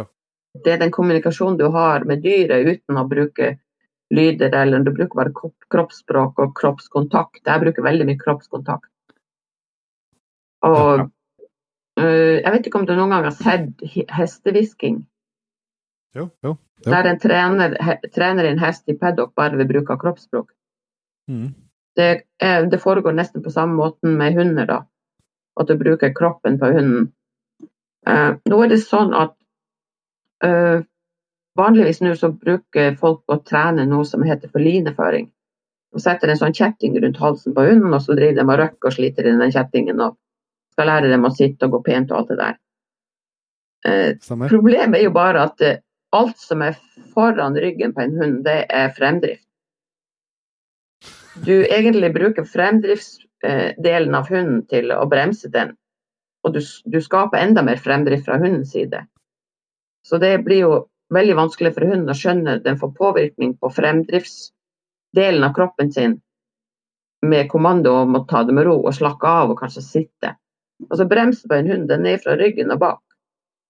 Det er bakkroppen på en hund. Det er bremsen. Mens folk bruker fremparten til det, og det blir jo helt feil. Hunder blir frustrert, Du blir skremt, og det er ikke noe pent å se når folk driver og røkker små hunder på 20 kg med en svær kjetting. Altså Kjetting det er som man setter på bjørner eller store okser eller en hingst eller noe sånt. Ikke på en bitte liten hund. Eh, Det syns jeg er tragisk å se, og det syns jeg folk burde egentlig slutte med. For det er helt andre måter du kan trene en hund til, så hunden også skjønner at det her betyr brems. Jeg har spurt noen gang folk har du sett, har du sett hvordan hunder stopper hverandre. Og så er det noen som sier at ja, det har vi sett, det, de springer foran hunden og liksom napper den i nakken eller noe sånt. Det er jo helt feil. For at når hunder er foran på kroppen på hverandre og napper hverandre i nakken, sånt, da skaper det mer fremdrift. Da springer de, og da leker de og holder på. Men så fort en hund napper en hund i bakkroppen, da blir det bråstopp. For det er der bremsen er. Men det er veldig vanskelig for folk å skjønne. Men det er så uhyre effektivt å bruke kroppsspråket til hunden og kroppen til hunden og komme til mål istedenfor å, som jeg sa, la den gå i første klasse resten av livet. Ja. Og hundene skjønner det, og hundene blir trygge, og de forstår at, at det er trygghet når du oppfører deg sånn som de forventer. For en hund har jo masse instinkter. Og når du oppfører deg sånn som hunden forventer, så blir den trygg. I motsatt fall blir den utrygg. Og jeg ser veldig mye utrygge hunder. Eh, Jeg leser hunder, f.eks. du ser en film på en jaktprøve, eller du går på en jaktprøve, så ser du hunder som går og stresser i bånd og trekker og sliter. Og så er det med halen mellom beina usikker, går kanskje rett bakom eieren, og med halen mellom beina usikker, ørene bakover, og de er ganske redd. Du ser at de er dressert eh, med frykt eller med ja, jeg vet ikke hvordan de gjør, men det er jo den rykkingen, den linjeføringen og alt det der. Du kan godt lese at det der er ikke et team. Der er en som går bak og er redd lederen sin. Ja. Mm. Det er fryktelig tragisk at uh, dressurregimet i Norge er på den måten. Men så er det kommet til en ny bok, da. Norges Jeger- og Fiskerforbund har jo laget en ny bok. Ja, stemmer. Der er det kommet inn både godbiter, men det er jo samme regime og det er jo samme opplegget. Og det De har egentlig ikke modernisert seg, de har bare putta på mer godbiter og mer læringsteorier. Det blir jo ikke noe bedre hunder ut av det, men Å dressere en hund, det tar bare noen minutter, egentlig. Ja, det gjør det. Det tar noen minutter å fortelle hunden din at du er lederen. Sånn foregår det i flokken også. Jeg har alltid 10-15-20 hunder i en flokk. Så kommer det en ny hund inn dit, så tar det vel lederhunden fem minutter å lære den til hei, jeg er sjefen, du må følge med meg. Og da følger de med på sjefen hele tida. Pass på, hva mener han, hva kan jeg gjøre det, kan jeg gjøre det. For det er sånn det fungerer i hundeflokker. Jeg har jo hatt eh, naturlig hundeflokk da i 40, 40 år pluss. Ja. Så jeg har sett hvordan de kan bo i lag og fungere i lag. Altså språk de bruker og hva slags regler som gjelder og sånn. Så det er ikke noe vanskelig eh, for et menneske å være en leder som for en lederhund. Det var at du må kunne litt av språket deres. Ja, for du tenker at det, det er fullt ut mulig om du har bare én hund, ja? Du trenger Ja, ja. ikke ha inn flokken for å ha det samme tilnærming. Nei, du trenger ikke noe flokk, nok med én hund. Oppfører du du seg en, som en lederhund og har én hund, så funker det også. Men det er viktig å kjenne språket og ikke gjøre gale ting, for at eh, hundene reagerer negativt hvis ikke de forstår. Det må være kjent språk. Mm. Men, men hvordan du, du sa det hele, at du forholder du deg annerledes til den hunden som du vet er er lederhund, eller, eh, eh, eller oppfører du deg likt til, alle hundene? Nei, likt all, en hund er en hund. Uansett rase og hvordan hund det er, alle forstår det samme språket. Ja, det skjønner jeg, men liksom når du har en, har en flokk, og så vet du hvem vet du, du vet jo da, skjønner jeg, hvem som er lederen i, i, i flokken, altså av hundene. Ja da. Og så er du lederen, lederen over der igjen. Ja, det- Rettferdighet betyr at jeg lar lederen i flokken bestemme. Altså, de er sammen 24 timer i, i døgnet hele livet, de hundene. Så hvis jeg skal da legge meg opp i hva lederhunden har bestemt, så blir jo det feil. Han er jo mest med flokken, og de som er lederhunder For det er jo, det er jo ikke bare én, det er jo flere. De er leder over forskjellige ting. For det er ressurser som utlyser hvem som er sterkest og hvem som er sjef til enhver tid. Så det kan godt være ei tispe som er uenig med lederhunden hvis den har en ressurs og ikke den vil gi til lederhunden. Så jeg- kan lederhunden like godt si at OK, jeg gir meg. Det koster meg for mye å bråke med deg, så du får bare beholde det beinet, f.eks. Ja. Sånn sett. Men jeg vil ikke bråke så mye med lederhunder, for jeg vet de kan det der bedre enn meg. Selv om jeg har levd med en hundeflokk hele mitt liv, så er faktisk hundene mye bedre enn meg enda. Jeg kommer nok aldri i mål, for jeg lærer også nytt hver eneste dag når det gjelder hunder og, og den flokken. Så jeg lar dem få styre og gjøre det de syns er rett, og så starter jeg heller i bunnen og ja, preger litt på de som er yngst og unghundene, sånn at de også skal ha respekt for meg, ikke bare for de andre hundene. Ja. Og jeg får, når jeg får inn hunder, f.eks. jeg har en del hunder som kommer om sommeren i pensjon, og også hunder som jeg tar til trening hvis det er litt sånn spesielt. Nå er det jo egentlig pensjonert, så jeg har jo slutta med det der, men hvis det er veldig spesielt problem, f.eks. en hund som ikke tar stand, eller en hund som går ut av hånd, så syns jeg det er litt artig å, å jobbe med det, da. For at den hunden har gjerne vært hos masse folk og blitt oppgitt, og den skal kanskje avlives og alt. Så tenkte jeg nei, jeg, jeg tar nå den jobben. Så får jeg inn en ny hund, og da putter jeg den rett i flokken. Og da får de hundene trene den hunden først, kan du si. Men jeg oppfører meg også på samme måten til den hunden som de andre hundene i flokken. Og det er for mange hunder en veldig stor overraskelse å få repetert hundespråket som de hadde en gang, og fikk kanskje overført fra tispa når de lå i valpekassen. Så det er både en psykisk og noen ganger også en fysisk påkjennelse. For det hender at de tar tak i hverandre og setter en tann i et øre eller en fot eller noe sånt. Mm. Eh, Det er mer sjelden da. Og, og slåsskamper er veldig sjelden i sånne flokker. Jeg tror det har vært de siste ti år kanskje tre eller fire slåsskamper i flokken. Og en slåsskamp er lydløs, og den er skummel, for da har de døde to eller flere hunder som har tenkt å drepe hverandre. Men som sagt, det er sjelden. Men en korrigering i flokken har veldig mye lyd og veldig masse raske bevegelser. og Det kan også gjerne være flere hunder involvert. Men en korrigering er som regel over på en 5-10-15 sekunder. Men det ser ut, de fleste folk tror at oi, det er noen hunder som slåss. Men det, det er faktisk ikke det.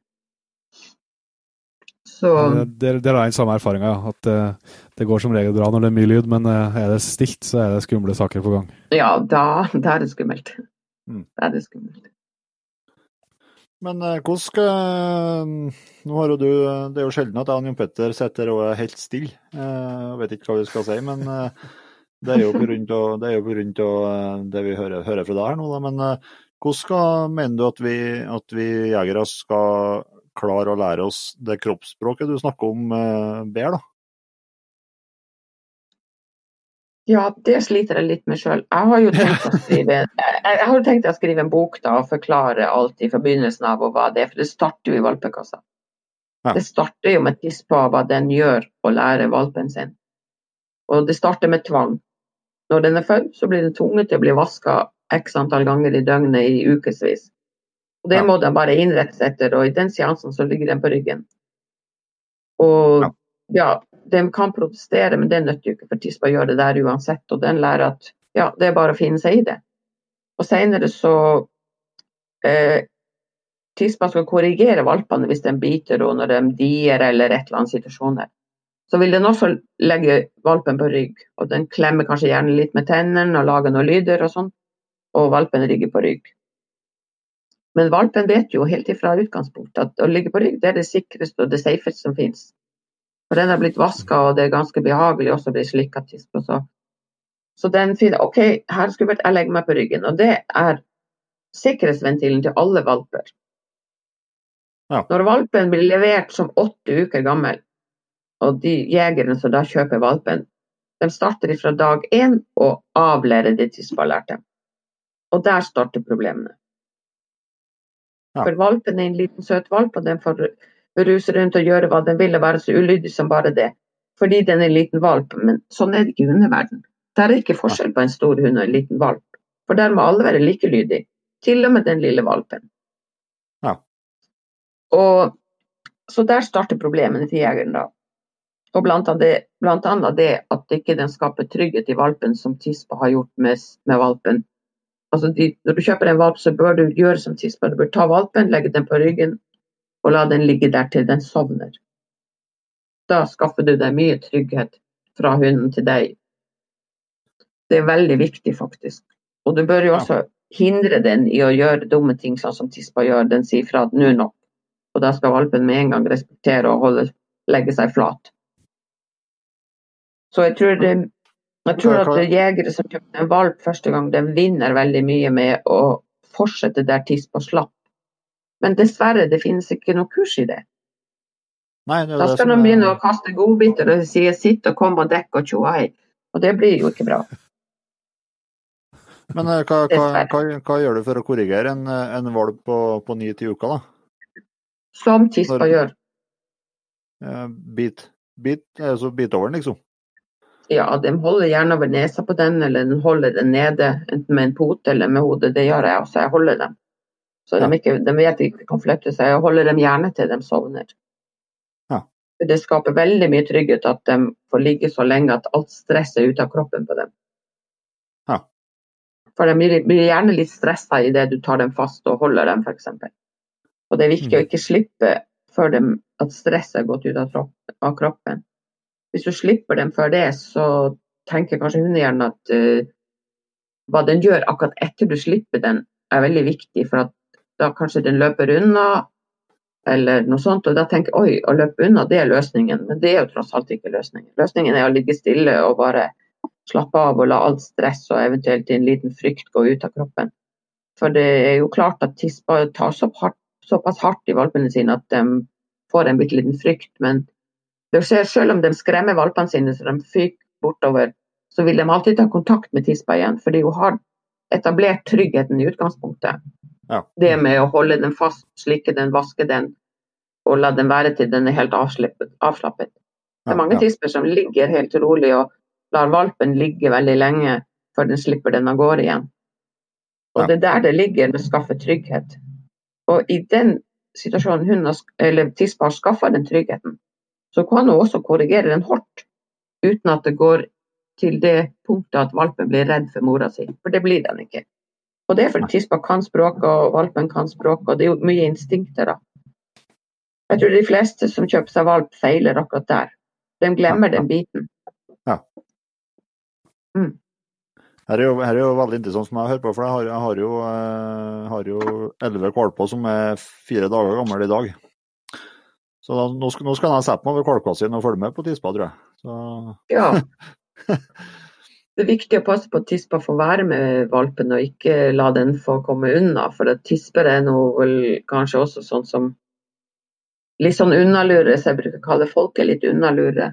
ja, Tispa ja. kan også være det, så det er viktig at du ikke får lov å gå ifra dem. da. At du lager noen sånn benker så den får hoppe opp og være i fred og sånn.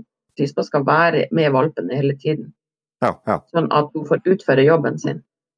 Den skal kunne plage henne og bite henne i patten, ørene og alt. De skal plage, kunne plage henne så mye at hun kommer til et punkt at hun lærer den folkeskikk. Hundeskikk, unnskyld. Hundeskikk.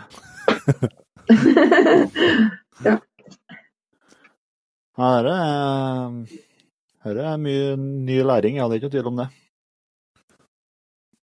ja. Men eh, da Men du, du bare Og det, da, du, det, det er den jobben du tenker du fortsetter med liksom utover valpetida og ungdomsperioden, at du bare prøver å, å, replikere hundespråket så godt som det lar seg gjøre, for å sette de, sette de grensene som du ønsker? Ja, faktisk. Og det er kjempeenkelt. Det responderer så fantastisk på det å bare bruke det samme språket som tispa. Trenger ikke å lære dem sitt eller dekke eller komme eller gjøre alltid det nå lenger. Det er sånn at jeg tar dem ut eh, når de er unge da, for å vise dem uh, terrengene og fugl. Og jeg lar dem når de er unge jage ryper så lenge det måtte passe dem. Hvis ikke de jager altfor langt, altså hvis de jager sånn flere hundre meter, så, så roper jeg dem inn selvfølgelig. Men de får lov å ta opp fugl, tjuvreise, jage ryper, kose seg. Helt til de tar stand og jeg ser at de er modne for mer påvirkning. Så da går jeg gjerne opp til standen til dem og stopper dem. Ja, når det, når det passer å stoppe dem. Det kan være 10-15 meter eller 40, eller alt etter som hvilken hund det er, hvor langt jeg lar dem få gå etter. Og Ja, da stopper de bare ved å si navnet deres. Det er nok. Ja. For de tiltaler dem hjemme ved å bruke navnet. Det må jo ha en stor flokk. Så Ja, jeg tiltaler dem bare ved å bruke navnet. Og når jeg bruker navnet til dem, så skal de ha 100% oppmerksomhet på meg. Og gjerne komme til meg. Og det er også når jeg er ute i felt med ungene og jeg sier navnet på dem, så stopper de for de klarer faktisk ikke å springe og jage ryper samtidig som de skal ha kontakt med meg og vite hva jeg vil. Det er derfor de ikke går etter. Fordi det er umulig for dem. For når du hører navnet, så vet de at de skal ha kontakt med meg, og det må de ha. Og det går ikke an å gjøre to ting samtidig. Kan ikke springe etter ryper og holde kontakt med meg eller vite hva jeg vil. Så det er derfor de stopper når jeg sier navnet deres. Ikke fordi jeg aldri lært dem å sitte eller dekke eller stoppe eller noe sånt. Aldri brukte jeg fløyte når jeg trener under. Så den respekten de har for meg og, og hvordan jeg oppfører meg sammen med dem, det handler bare om å bruke det språket de har sjøl, som instinktmessig. Men, så du springer ikke etter å rope 'sitt' og hoppe og sånn, altså? Nei, det gjør jeg ikke. Det kan være noen ganger på jaktprøve når jeg, når jeg er ikke er helt sikker. Sånn som jeg hadde i situasjonen i vår. Jeg hadde Tispe som sto sammen med makker. Så tenkte jeg det, det er kanskje litt så stressende å stå sammen med den. Og da, uh, da når jeg ba henne reise, så reiste hun full fart. Men så ropte jeg så høyt at hun ble nesten skremt, så hun kom jo nesten tilbake til meg. Så det er sånn ja, for sikkerhets skyld så bruker jeg å gjøre det noen ganger oppe når jeg er på jaktprøve. Ja. Men ikke ellers, så blir det ikke så mye. Men det er klart, du, hvis du ser at en hund Hvis jeg ser at en hund gir litt sånn F og ikke vil høre, så repeterer jeg liksom bare litt på hundespråket hjemme eller i en eller annen situasjon. Det spiller ikke så stor rolle hvilken situasjon man gjør det i. Det er klart, Man blir jo litt sløv sjøl også, man er jo ikke hund på heltid. Så det hender jo at man må repetere på ting, det må man jo. Men eh, det er ikke ettersom at du har jobba med hundetrening og den biten her i 40 år, så tilbringer du helt sikkert eh, mange mange timer i døgnet uh, i lag med hundene. Er det, er det, mulig å få til det samme for, for, for hundeeiere som har, har, jobb og unger og kanskje ikke har så mye tid å sette av til hund? Ja, det er absolutt ingen problemer. Altså, når jeg drev på det meste, så hadde jeg jo 10-14 unghunder per sesong som skulle trene, pluss at jeg skulle trene, opp, trene alle de andre. De som var unge under året før, som ikke var solgt, og utleiehundene og alt de som skulle prøve å Nei, det, det, tar faktisk ikke så mye tid. Tenk deg sjøl, hvis du har en hund og går ut i trening i fjellet eller i marka med, som du har 100% kontroll på, det koster jo ikke mye, det. Du bare si til hunden hva du vil den skal gjøre, og så ferdig med det. Man trenger ikke trene så mye da. det, høres jo, det høres, jo, høres jo, veldig enkelt ut. Det, men det er egentlig enkelt, det er bare at folk ikke har skjønt det ennå. Ja, det... Har ikke fått noe opplæring i det, for det, det, som jeg sier, det finnes ikke noe kurs. Nei. Altså, Hundetrening har tatt en annen retning enn å tilnærme seg hunden som et dyr og med hundespråk. Det har tatt en retning med læringsteorier og med godbiter og klikker og masse tull. Ja, ja. Og du får bare hunder som tigger, og den dagen hunden ikke gidder å høre på det, så springer den jo bare. Og går og gjør det den sjøl passer den. Så Nei, jeg vet ikke hvem som skal videreføre det, men jeg har nå hatt en lærling i vinter da, som også er veldig dyktig og kan masse hundespråk og har vært hos den jeg nevnte som er, som er svensk. Og han har vært som lærling i tre måneder hos meg, han skal også fortsette. Så det må jo være han da som kanskje skal videreføre. Men jeg kan ikke, kan ikke eh, Du har jo du har jo pensjonert deg, men eh, kan ikke du begynne å holde sånne kurs, da? Nei, jeg kan jo egentlig ingenting, for jeg er så stor i kjeften at de fleste vil ikke ha noe med meg å gjøre. Så ikke klubbene er aldri tilspurt om å holde noe kurs eller foredrag eller bli dommer eller bli instruktør eller bli noe som helst. Jeg er altfor stor i kjeften, og så bruker jeg å si at det, det her kan jeg, og det liker jeg. Folk liker jo ikke at noen er flink, altså så flink og så sier at det er så enkelt, for det, ikke tror de meg, de tror jeg lyger, ikke sant. Og den andre så liker de ikke at noen sier rett ut hva de mener. Nei, nei. Men jeg gjør jo det, så jeg er faktisk ikke headhunt av noen. Men det gjør ikke meg så noe, for jeg liker å jobbe i naturen og jeg jobber med hundene. Jeg er ikke så rutinert på, eller jeg har jo aldri jobba mot folk og med kurs og sånn, så jeg kan vel ikke kanskje den biten så godt heller. Jeg ville jo komme til å si til den hundeeieren rett ut at hallo, du har dårlig dressur på hunden din, og det må du ikke gjøre. Det sånn. Jeg kommer til å skremme vettet av en stakkars som kom på kurs til meg, tror jeg.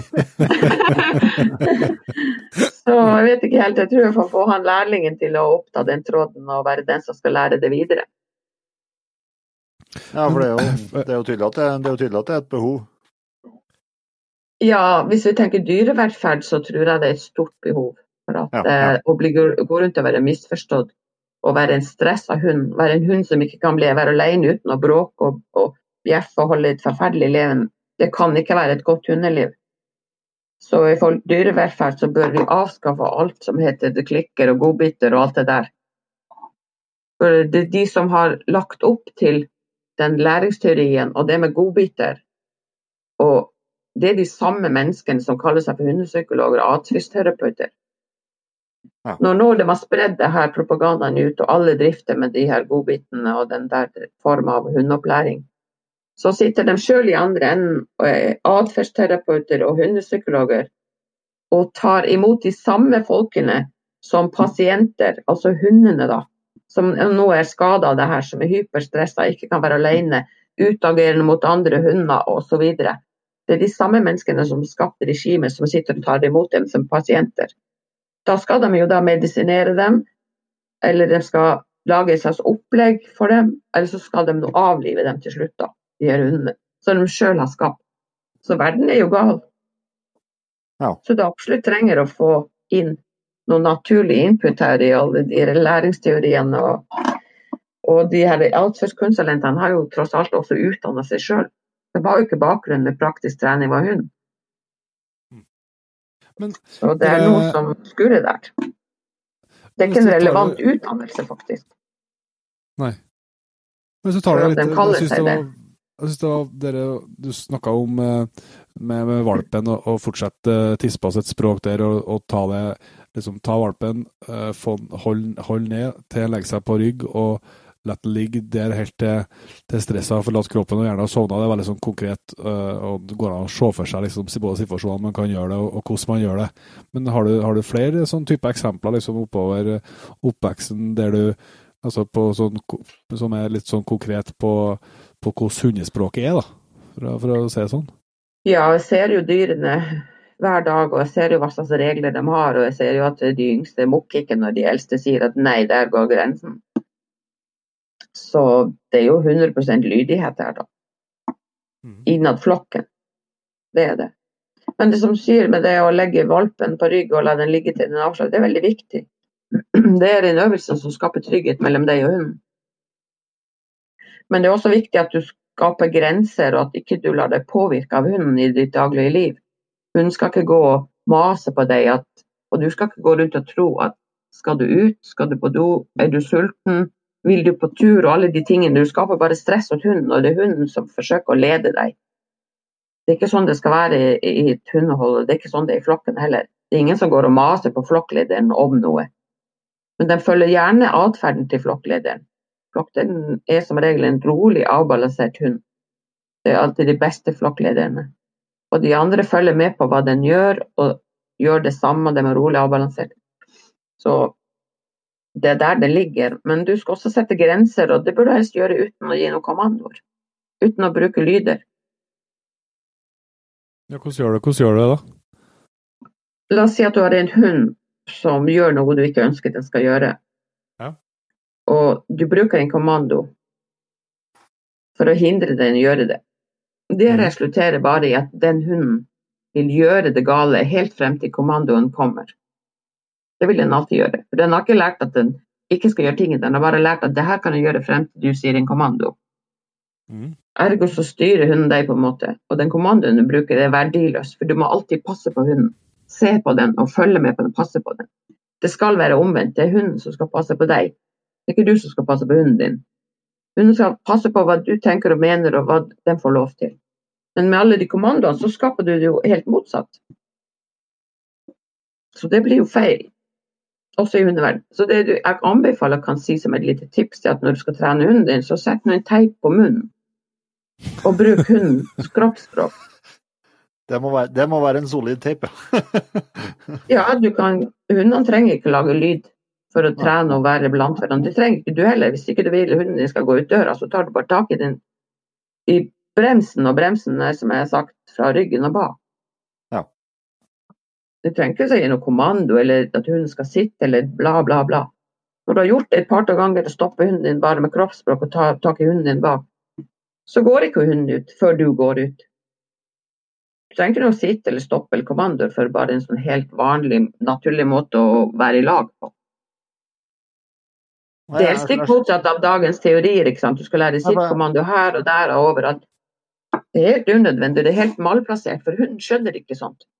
Det eneste du lærer hunden, er at jeg kan gjøre hva jeg vil helt til kommandoen kommer. Det er mye bedre enn hund som går bak deg eller ved siden av deg og bare tenker at jeg går nå her helt til jeg får beskjed om noe annet. Ja, det, det høres utektelig bedre ut. Det er jo til og med logisk. Ja, det er faktisk det. Ja. Ja, altså, det, det, er det, som er logisk. jeg tenker, jeg tenker hvis du, hvis du liksom har en eh, eh, hund som, som prøver å ferde, og du, og du tar tak i halen og liksom napper, napper i halen, så, så kaster jo hunden seg rundt og, og, og liksom sjekker hva det, det, han, han springer ikke videre framover. Nei, altså bremsen er jo fra midt på ryggen og bakover, så du har jo ikke bare halen da. Du har jo hele Nei, nei, kroppen. nei, det er- jeg skjønner det, men det er liksom eh, det er Ja, du bare tar tak i den delen av kroppen, så holder du fast. Og du Ja. bare må bare holde. Ja, det, refleksen til hunden sier at han skal bøye seg rundt og la, legge tennene rundt handa di. Det vil han gjerne gjøre, men han vil ikke bite deg. Nei, nei, nei. Hvis ikke du da har en hund som er aggressiv, men da vet du det sjøl. At du har lært hunden din at den kan bite seg ut av alt han ikke vil og sånn. Normalt så vil ikke hunder bite, de vil bare snu seg og, og, og ta rundt. Det er ren refleks. Det er ikke sånn at hunden vil bite deg fordi du holder den i bakkroppen. Hvis ikke du, da har en, som jeg sier, en hund som har lært at aggresjon er løsningen på det den vil oppnå. Men de fleste folk har jo ikke det, da, for de har jo stort sett aldri tatt i hunden sin. Så bare holde. Hold til hunden slapper av. Bremsen er bak. Ja. ja, det er bare sånn. det er. Jævlig tøft, altså. det Ja, herre her jeg sett uh, gjør inntrykk, av søster. Satan. Ja, Men, men eh, du sa du var jo litt inne på, på preginga i, i, i fjellet med, med hundene. Du lette dem som lette dem eh, Når liksom ser du det an fra individ til individ? Når du liksom lar dem begynne å være med i fjellet, eller, eller liksom er det når de begynner å bli en eh, fire-fem måneder? Hvordan, eh, når du liksom starter du å ta med? nei, ikke fire-fem måneder. Altså, det må jo fysisk eh, styrke til å være med meg i noen timer, da. Da bør Ja, de jo være eldre. Ja. Og fire måneder, ja, en fire måneder gammel valp, han klarer ikke å konsentrere seg så lenge om gangen, så det er Nei. nesten litt sånn bortkasta. Så jeg venter nå til de er seks, syv, åtte, ni, ti, elleve, tolv måneder. Men det kommer litt an på når de er født om, om året også. Ja, det må jo det passe til en sesong. Ja. Så det hender at de blir 14 måneder òg, men jeg vil nå helst at de skal være før ett år. Når de får begynne å jage ryper rundt omkring. Og da, men da vet du eh, så, Og da prøvde, kan du liksom si litt mer om akkurat det, for du lar dem jage og leke seg og kose seg og, og virkelig rampe i, i fjellet. Eh, Ja. Men, men hva, er det du, hva er det du ser etter når du snakker om at de, de begynner, å bli, begynner å bli moden til at du kan begynne å, å korrigere dem for ro i oppflukt og, og sånt? Det går det an å gi noen litt sånn tydelige bilder på det? Ja, hvorfor jeg gjør det, det er for at jeg vil at hunden skal utvikle det potensialet den har naturlig. Og det er tross alt hunden som har nesen og instinktene, det har ikke jeg. Så det er hunden som utvikler seg. Og da lar den få gjøre det. Den må lære seg fugl, hvordan den oppfører seg i forskjellig type terreng, i forskjellig vær, hvor langt den kan gå nært fugl, om det er én fugl, flere fugler, flokker osv. Alt det der må hunden finne ut av sjøl. Det legger ikke jeg meg i. For jeg ikke har jeg nesen og ikke har jeg de instinktene. Så det kan jeg faktisk ikke hjelpe hunden med. Men jeg kan ødelegge veldig mye hund ved, å legge meg opp i det. Men jeg vil ikke det. Jeg vil hunden få utvikle seg når jeg ser at hunden har taket på det her, både bruker vinden, finner fuglene og begynner å få dem til å trykke ved å ta stand. Og, og få dem, dem til å holde, da. For hunden må gå veldig langt innpå, men det gjør de fleste unge hunder.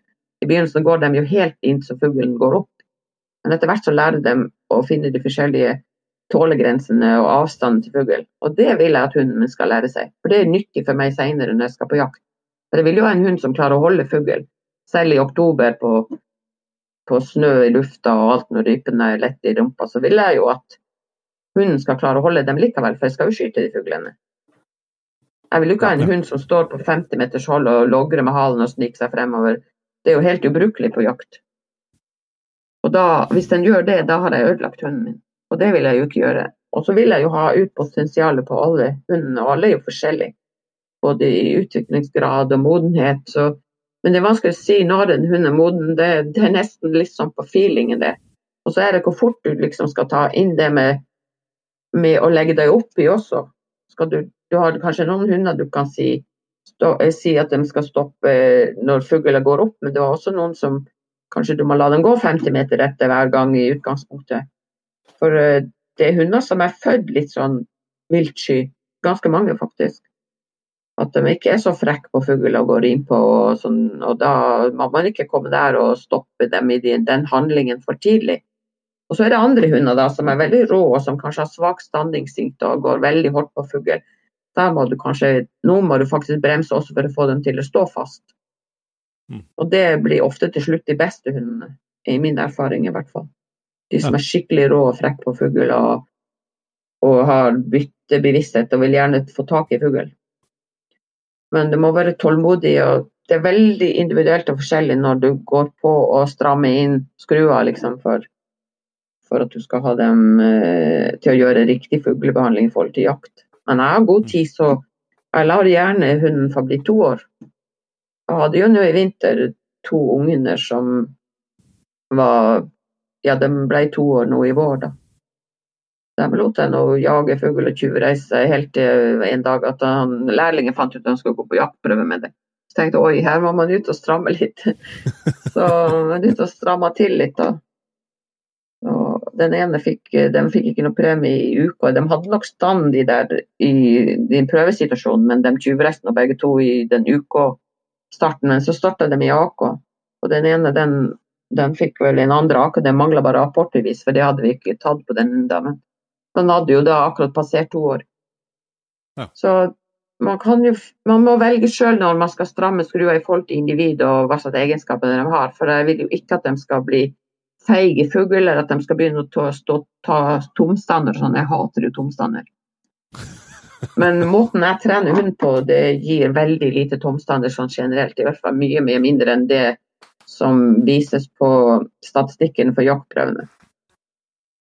Ja, jeg kan Så det, det, forteller jo at den treningsmetoden jeg har og de tingene jeg gjør, gjør at hundene får ut mer av potensialet sitt, uten å bli i gåseøyne ødelagt i fugl. Ja. ja. for du, du, tenker, du tenker at uh, tomstanga eller blindstanga er, er et signal på at, uh, at uh, hund er, uh, er redd? Eh, ja, det er dårlig forhold til føreren. Eh, noe feil med samarbeidgreiene, men det er også en del hunder som jeg sa til deg, som, veldig, som har medfødt at de er liksom litt viltsky. Litt sånn bløt, tar tidlig stand og sånne ting. Så det er en blanding av det. Og har du en hund som er tidlig moden og tar tidlig stand som valp, så da er det i hvert fall ikke noe bra om du begynner å legge deg opp og skal dressere den hunden i fugl når den er ung. Jeg tror det var mye mer igjen for å la den kanskje få et år ekstra for å modne seg. For til slutt så får du jo en mye bedre jakthund som fungerer og bringer mer fugl for skudd. Og er du prøvedeltaker og skal konkurrere, så vinner du også mye på en hund som klarer å holde fuglen, og en hund som ikke tar tomstander. Så det er en fordel for begge leirer, enten du bare jakter med hunden din eller du også skal konkurrere på prøver. Da. Veldig, veldig interessant, altså. Men eh, hvordan eh, Vi har jo vært litt, eh, litt innom det. Prøve eh, Hva, hva syns du at det er et for stort sånn eh, jag rundt det med prøver? Og mener du at prøvene burde, altså, burde vært arrangert på, under eh, eller med andre forutsetninger, eller hva, hva er tankene dine om, om jaktprøver? Ja, nå er det jo jaktprøve det er jo blitt mer en konkurranse enn en, en, prøve som skal til for å velge ut avlsdyr. For det virker som at uh, det er bare den konkurransebiten, den vinnerklassen, som er attraktivt. De som deltar mye på prøver, den vil jo ikke være i åpen klasse og få bedømt hunden sin. Den vil jo bare ha den der billetten den første AK for å komme seg opp i konkurranseklassen. Ja. Så, men jakt er jo egentlig ikke en konkurranse det er ikke å springe fortest og finne en eller annen fugl, og så er det liksom en, en lykkelig jaktsituasjon. Det er jo ikke så, Jakt er jo noe helt annet enn å konkurrere.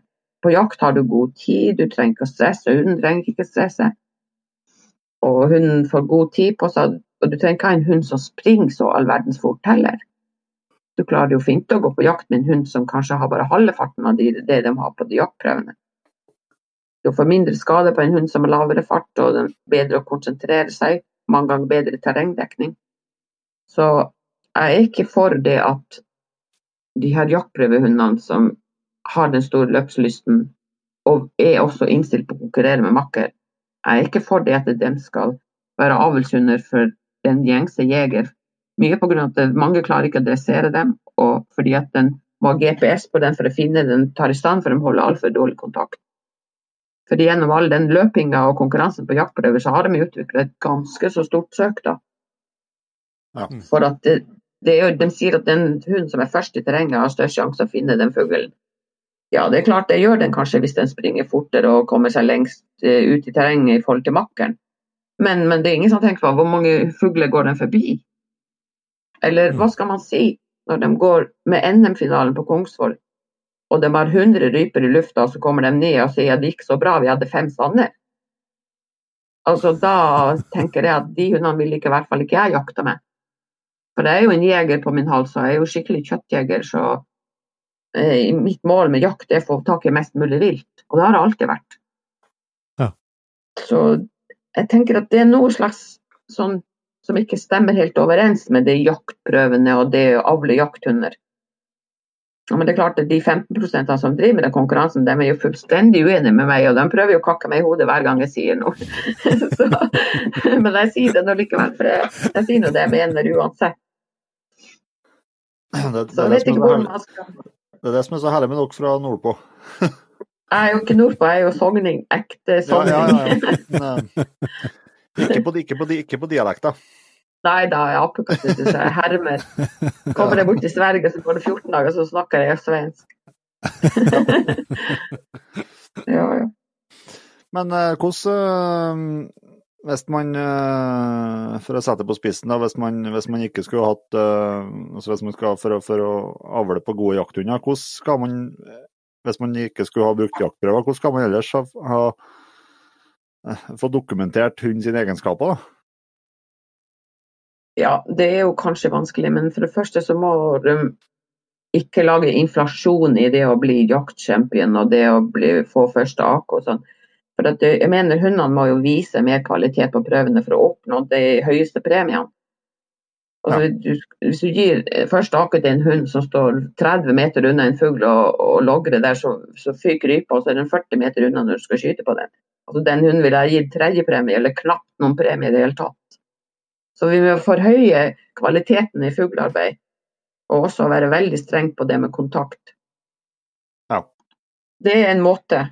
Men man kan også lage andre prøver, men det er jo ressurskrevende. Og som sagt, det er jo bare 15% av de som har fuglehund som er interessert i å gå på de prøvene.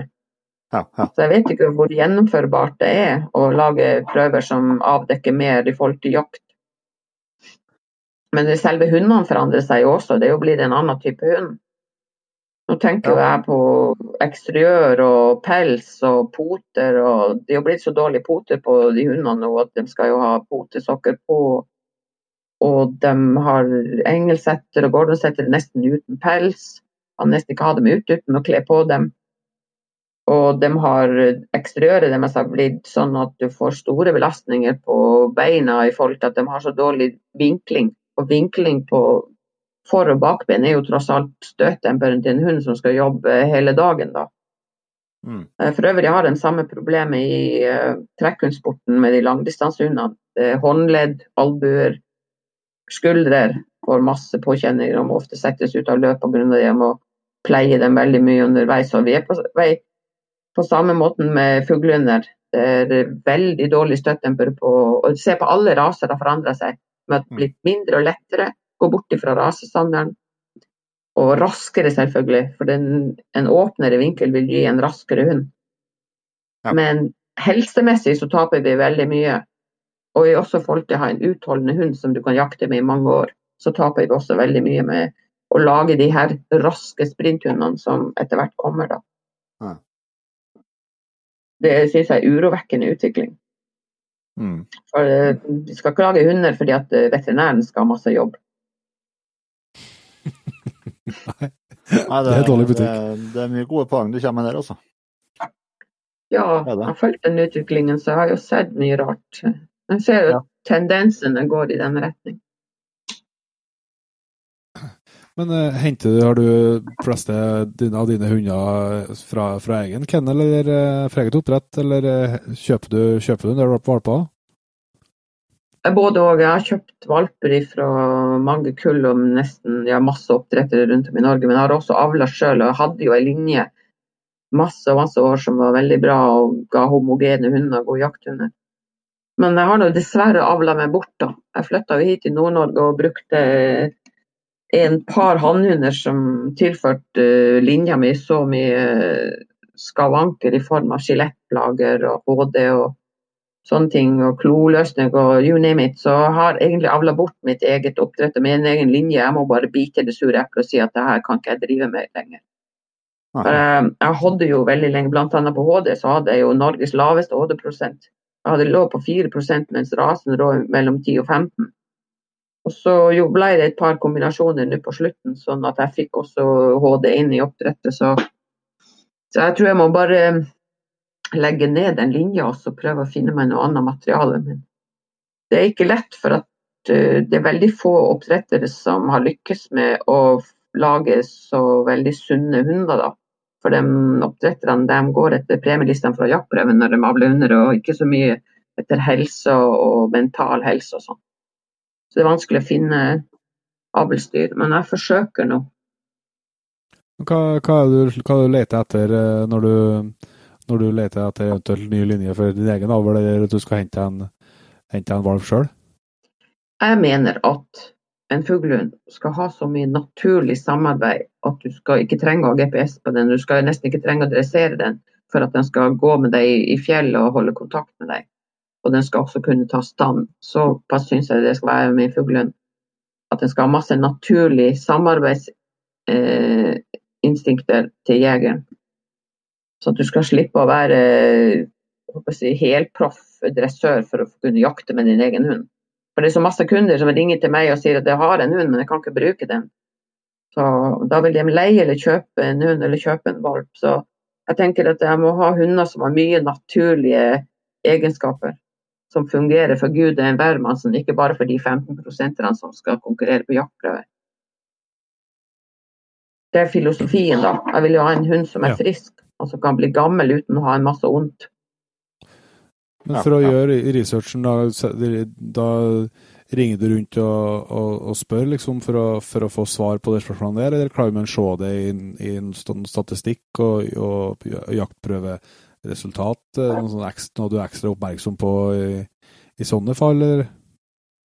Dessverre så er det ikke så enkelt, for at de oppdretterne er jo ikke ærlige og ikke legger dem ut informasjoner om det som er negativt i oppdrettet sitt. Det tror jeg nesten jeg er alene om i Norge å legge ut på hjemmesida hva som er feil på hundene mine. Men eh, de gjør nok ikke det. og de, Når de oppdager at de får litt problemer med HD, og sånn, så slutter de å påvirke valpekjøperne sine til å rønke hundene. Så får du enda mindre informasjon i neste ledd. Så det er vanskelig det med oppdrettere som ikke er ærlige. og så jeg vet ikke helt hvordan man skal søke etter å få tak i en bra utgangspunkt for en jakthund eller en valp. Og nå er det så mye importer også fra alle verdens steder, og de hundene er jo ikke researcha bakover, for det kommer fra land der de ikke har interesse for å sjekke så mye når det gjelder helse, og de har ofte dårlig mental helse, de importene. Det er andre dressurmetoder der, og det er steinhårde hunder som har mye stress og lyd. og så og jeg ser jo at det er masse norske oppdrettere nå som bruker de her utenlandske hundene fra Italia og rundt i Europa. så Jeg er veldig skeptisk på det. Jeg syns de skal begynne å tenke seg to, to ganger før de eh, på å si, produserer hunder og valper til den vanlige jegeren som ikke har så mye kompetanse til å styre de her hundene. Så Men nei, det er vanskelig. Jeg vet ikke sjøl hvordan jeg skal eh, komme videre. Men jeg har tenkt amerikansk import. Og da har jeg tenkt eh, fra oppdretter som har god mental helse og samarbeidsevner. Og også fysisk helse, da. Det blir ikke av de hundene som de bruker på de store jaktprøvene der som de må ha hest for å finne igjen når de tar stand. Det blir av den andre typen amerikansk som jeg vet ikke om noen har tatt inn til Norge, men det blir den andre typen den du kan gå på føttene dine og gå på jakt med en hund som har kontakt med deg. Ja. Mm. Hva, hva er bakgrunnen for at du ser til, til Amerika og ikke i Europa? Mental helse, og flegm og ro. Ja. Ja. Mm. Ja. Ja, men, ja, amerikanerne er mer avslappa enn italienerne. Det går jo kanskje nesten an å se for seg. Eh, amerikanske hunder en del, fra en del oppdrettere har veldig god mental helse. De er helt avslappet, kalde i hodet, som jeg kaller det. Eh, for det er kommet altfor mye stress inn i fuglehundene nå til dags. Dessverre. Mm. Og stress, som sagt, det snakka vi om i utgangspunktet at det er veldig negativt. Både for hunden i seg sjøl og for din eh, Når du skal trene den og når den skal være sammen med andre hunder. og Stress er jo egentlig roten til alt ondt når vi tenker hund. Men eh, det, det er jo fuglehunder du, som du, du holder med. Men med, med, den, med de treningsmetodene dine og, og med hundespråket og det der, tror du at du like gjerne kunne hatt en hundeflokk med 25 hjemtunder eller karelske bjørnhunder eller noe sånt? At, at uh, hadde, hadde, liksom, hadde, vært, hadde det vært akkurat det samme? Eh, Til det så kjenner ikke de rasene så godt. Og, altså Forutsetningen for at hunder skal bo i flokk, det er at de er oppvokst på, i, en flokk og har gått igjennom samme oppdragelsesmønstre som alle i, i flokken har gjort. Altså blir født av en tispe som også er født i en flokk. Ja. For du kan ikke liksom sette sammen hunder og tenke at det er en flokk. Det fungerer ikke. Nei, Da kaller det en gruppe hunder. Skal du ha dem Ja. i flokk, og de skal fungere i lag. Men jeg kjenner ikke rasen så godt i forhold til at en del ting har faktisk forsvunnet fra hundens repertoar i forhold til det vi mennesker avler med dem. Jeg ser på en hund faktisk som er retardert uh, ulv, eller som en ulvevalp som er sånn fire-fem måneder gammel. Sånn mentalt og sånn språklig. Ja. Eh, Men enkelte hunderaser har vi nok avla kanskje sånn at de har ikke kanskje oppnådd det nivået, eller de har kommet litt videre på enkelte områder. Så jeg vet ikke om alle hunderaser kan egne seg til å være i flokk.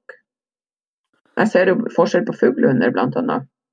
Ja, Det er en del av dem som jeg opplever ikke egner seg så godt i flokk, bl.a. irske settere, for jeg opplever dem som har lavere terskel når det gjelder aggresjon og sånn. Ja. Nå er det vel mange som blir sinte som har irske settere, men det driter jeg i. Men min erfaring med den rasen er jo sånn, da. At jeg vet ikke om jeg ville ha hatt eh, 20 irsksettere som bodde i en flokk. Altså Nå snakker jeg flokk, ikke sånn gruppe som bor med mennesker eh, i et hus der mennesker regulerer alt. Men jeg tenker sånn hundeflokk, der hunden selv regulerer alt fordi de har god mental helse. Men eh, i, i flokken, Ester, har du, har du noen gang eh, justert på hvem som Du legger deg aldri opp i hvem som får være lederhund, eller justere noe eh, omkring det? Nei, det kan du ikke gjøre. Det går ikke an å, å justere det. For en hund er sterk, så er den sterk. Men det man ikke må gjøre hvis man har en flokk, det er å putte inn fremmede hunder fra andre flokker eller, som ikke har den rette mentale evnen. Eller ikke så underkaste seg. Det kan du ikke gjøre, for da får du bare masse bråk og slåssing. Mm. Det er viktig at alle individene i gruppen eller flokken har samme språk og kjenner samme språk og aksepterer samme regler. Men eh, når jeg har sommergjester, og sånn, så putter jeg jo de hundene rett inn i flokken. Det gjør jeg jo. De skal jo tross alt være bare to-tre uker på besøk. Så, og noen har jo vært mange somrer og ifra de var valp og sånn, så det er ikke problem. Men å ta en voksen hund som kanskje er oppvokst i et hjem der han har fått styrt og vært konge på haugen, det bruker ikke gå så bra på sikt. Nei. Det Så det prøver jeg å unngå. Jeg vil ikke gjøre det, for det vil jo ikke min flokk så vondt at de skal oppleve en skikkelig bølle som er udressert og som ikke har uh, bibeholdt hundespråket på en sunn måte. Men hvordan, eh, hvordan gjør du med fôringa? Når du fôrer det alle samtidig, eller eh, hvordan funker det når det er så Ja. stor, så, så stor hundeflokk? Ja, de, stort sett så spiser alle samtidig i samme trau, men det er at noen spiser så fort, så de blir fort feit. Så jeg gjør det sånn at jeg deler kanskje i to grupper. da. De feiteste Ja. de får spise for seg sjøl, for de blir jo veldig fort ferdig. Hvis ikke Ja, så ville jeg ha sant. noen som var proppfeit og noen som var mager. Så jeg blir ofte delt i to grupper når de Ja. spiser, men de spiser alle i lag i samme trau, og det er ikke noe. Det er ingen som får lov å bråke. Hvis jeg bråker dem når de fôrer, så blir de uten mat den dagen. Når de lærer fort det at det, det lønner seg ikke. Hva, du- det, mener det er noe interessant når du har noen med så mye erfaring som deg. Hva, hva, er du, hva fôrer du med? Øh, For det meste så er det jo rått slakteavfall og laks, fisk, og så bruker jeg jo litt tørrfôr, da. For det, ja. det er enklere å bruke litt tørrfôr istedenfor å bruke, finne tilsetninger sjøl som du kan blande med kjøtt. da. Ja. Kjøtt og fisk blir jo litt kraftig bare det i seg sjøl, så jeg bruker litt tørrfôr ved siden. Men det, så det, da, da har du bare blander du sammen, eller gir du dem helt rått kjøtt? Jeg bruker alltid rått kjøtt, jeg vil ikke ha noe kokt. Kjøtt og fisk. Laks som regel. Jeg har god tilgang på laks da når man bor her i Nord-Norge. Det er mye lakseslakteri. Og så nå i det siste har jeg fôra med vom. Ren vom. Uvom. Rå, rå kur- Ja, Ja. Det er det du har Du har sikkert testa litt forskjellig, det, det, det er det du blir mest fornøyd med? Ja, jeg testa masse tørrfôr, og det jeg har brukt opp gjennom alle årene, mest det er tyskprodusert fôr. Jaha. Ja. Fra Tyskland. Og fortsatt så bruker jeg tysk tørrfôr. Ja. Ja. Erfaringen min er at tyskerne de er seriøse og gode på å, å produsere hundefôr. Ja. Mm. Spennende. Eh, det er en ting som eh, jeg har veldig lyst til å høre litt eh, om. da. Det kan sikkert være vanskelig når du har hatt trena opp 500 hunder, men eh, klarer du å plukke ut den beste blant dem? En god hund for meg, det er vel kanskje den hunden som er mest komplett. Som har alt. Den skal være både fysisk og psykisk veldig god. Og ha de samarbeidsevnene og det å bringe fugl for skudd er absolutt det som får en hund til å komme opp på lista.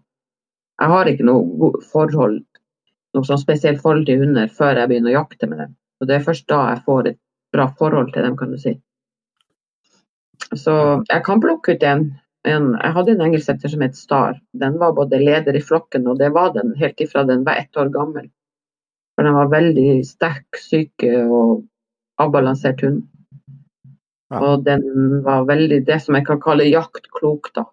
Og samarbeidsvillig. Pluss at han var den typen som, som hadde det å være rå på fugl, liksom, gå inn for å klare, prøve å ta sin del av byttet. Ta fugl. Han var bl.a. veldig vanskelig å få sauerein og elgrein og reinrein og alt det der. Eh, så han var egentlig en rå hund, men med masse eh, jaktklokhet og samarbeid. Pluss at han var sjef i flokken helt ifra han var ung. Og fysisk han ble gammel hund, var aldri syk. Han var stor og pen og sort og hvit. Og ja, det var faktisk hunden i mitt liv. Du har hatt du har hatt mye fine dager med den i fjellet? Masse fine dager, masse flott jakt og masse situasjoner der han Altså, han, der gjorde så mye spesielle ting. Blant annet så rapporterte han støkk. Det var veldig sjelden han støkka, da, men hvis han støkka en fugl, så stoppa han momentant, og så prøvde prøvde han å lete meg opp for at han skulle ha meg med dit i området, for at jeg ikke skulle gjøre den fadesen en gang til og støkke mer rype. Han henta meg når han hadde støkket en fugl. Så han, eh, han ville at jeg skulle være der med børsa, ja. Han skjønte hva vi var ute på. Ja. Det er det, ja. Veldig artig å oppleve.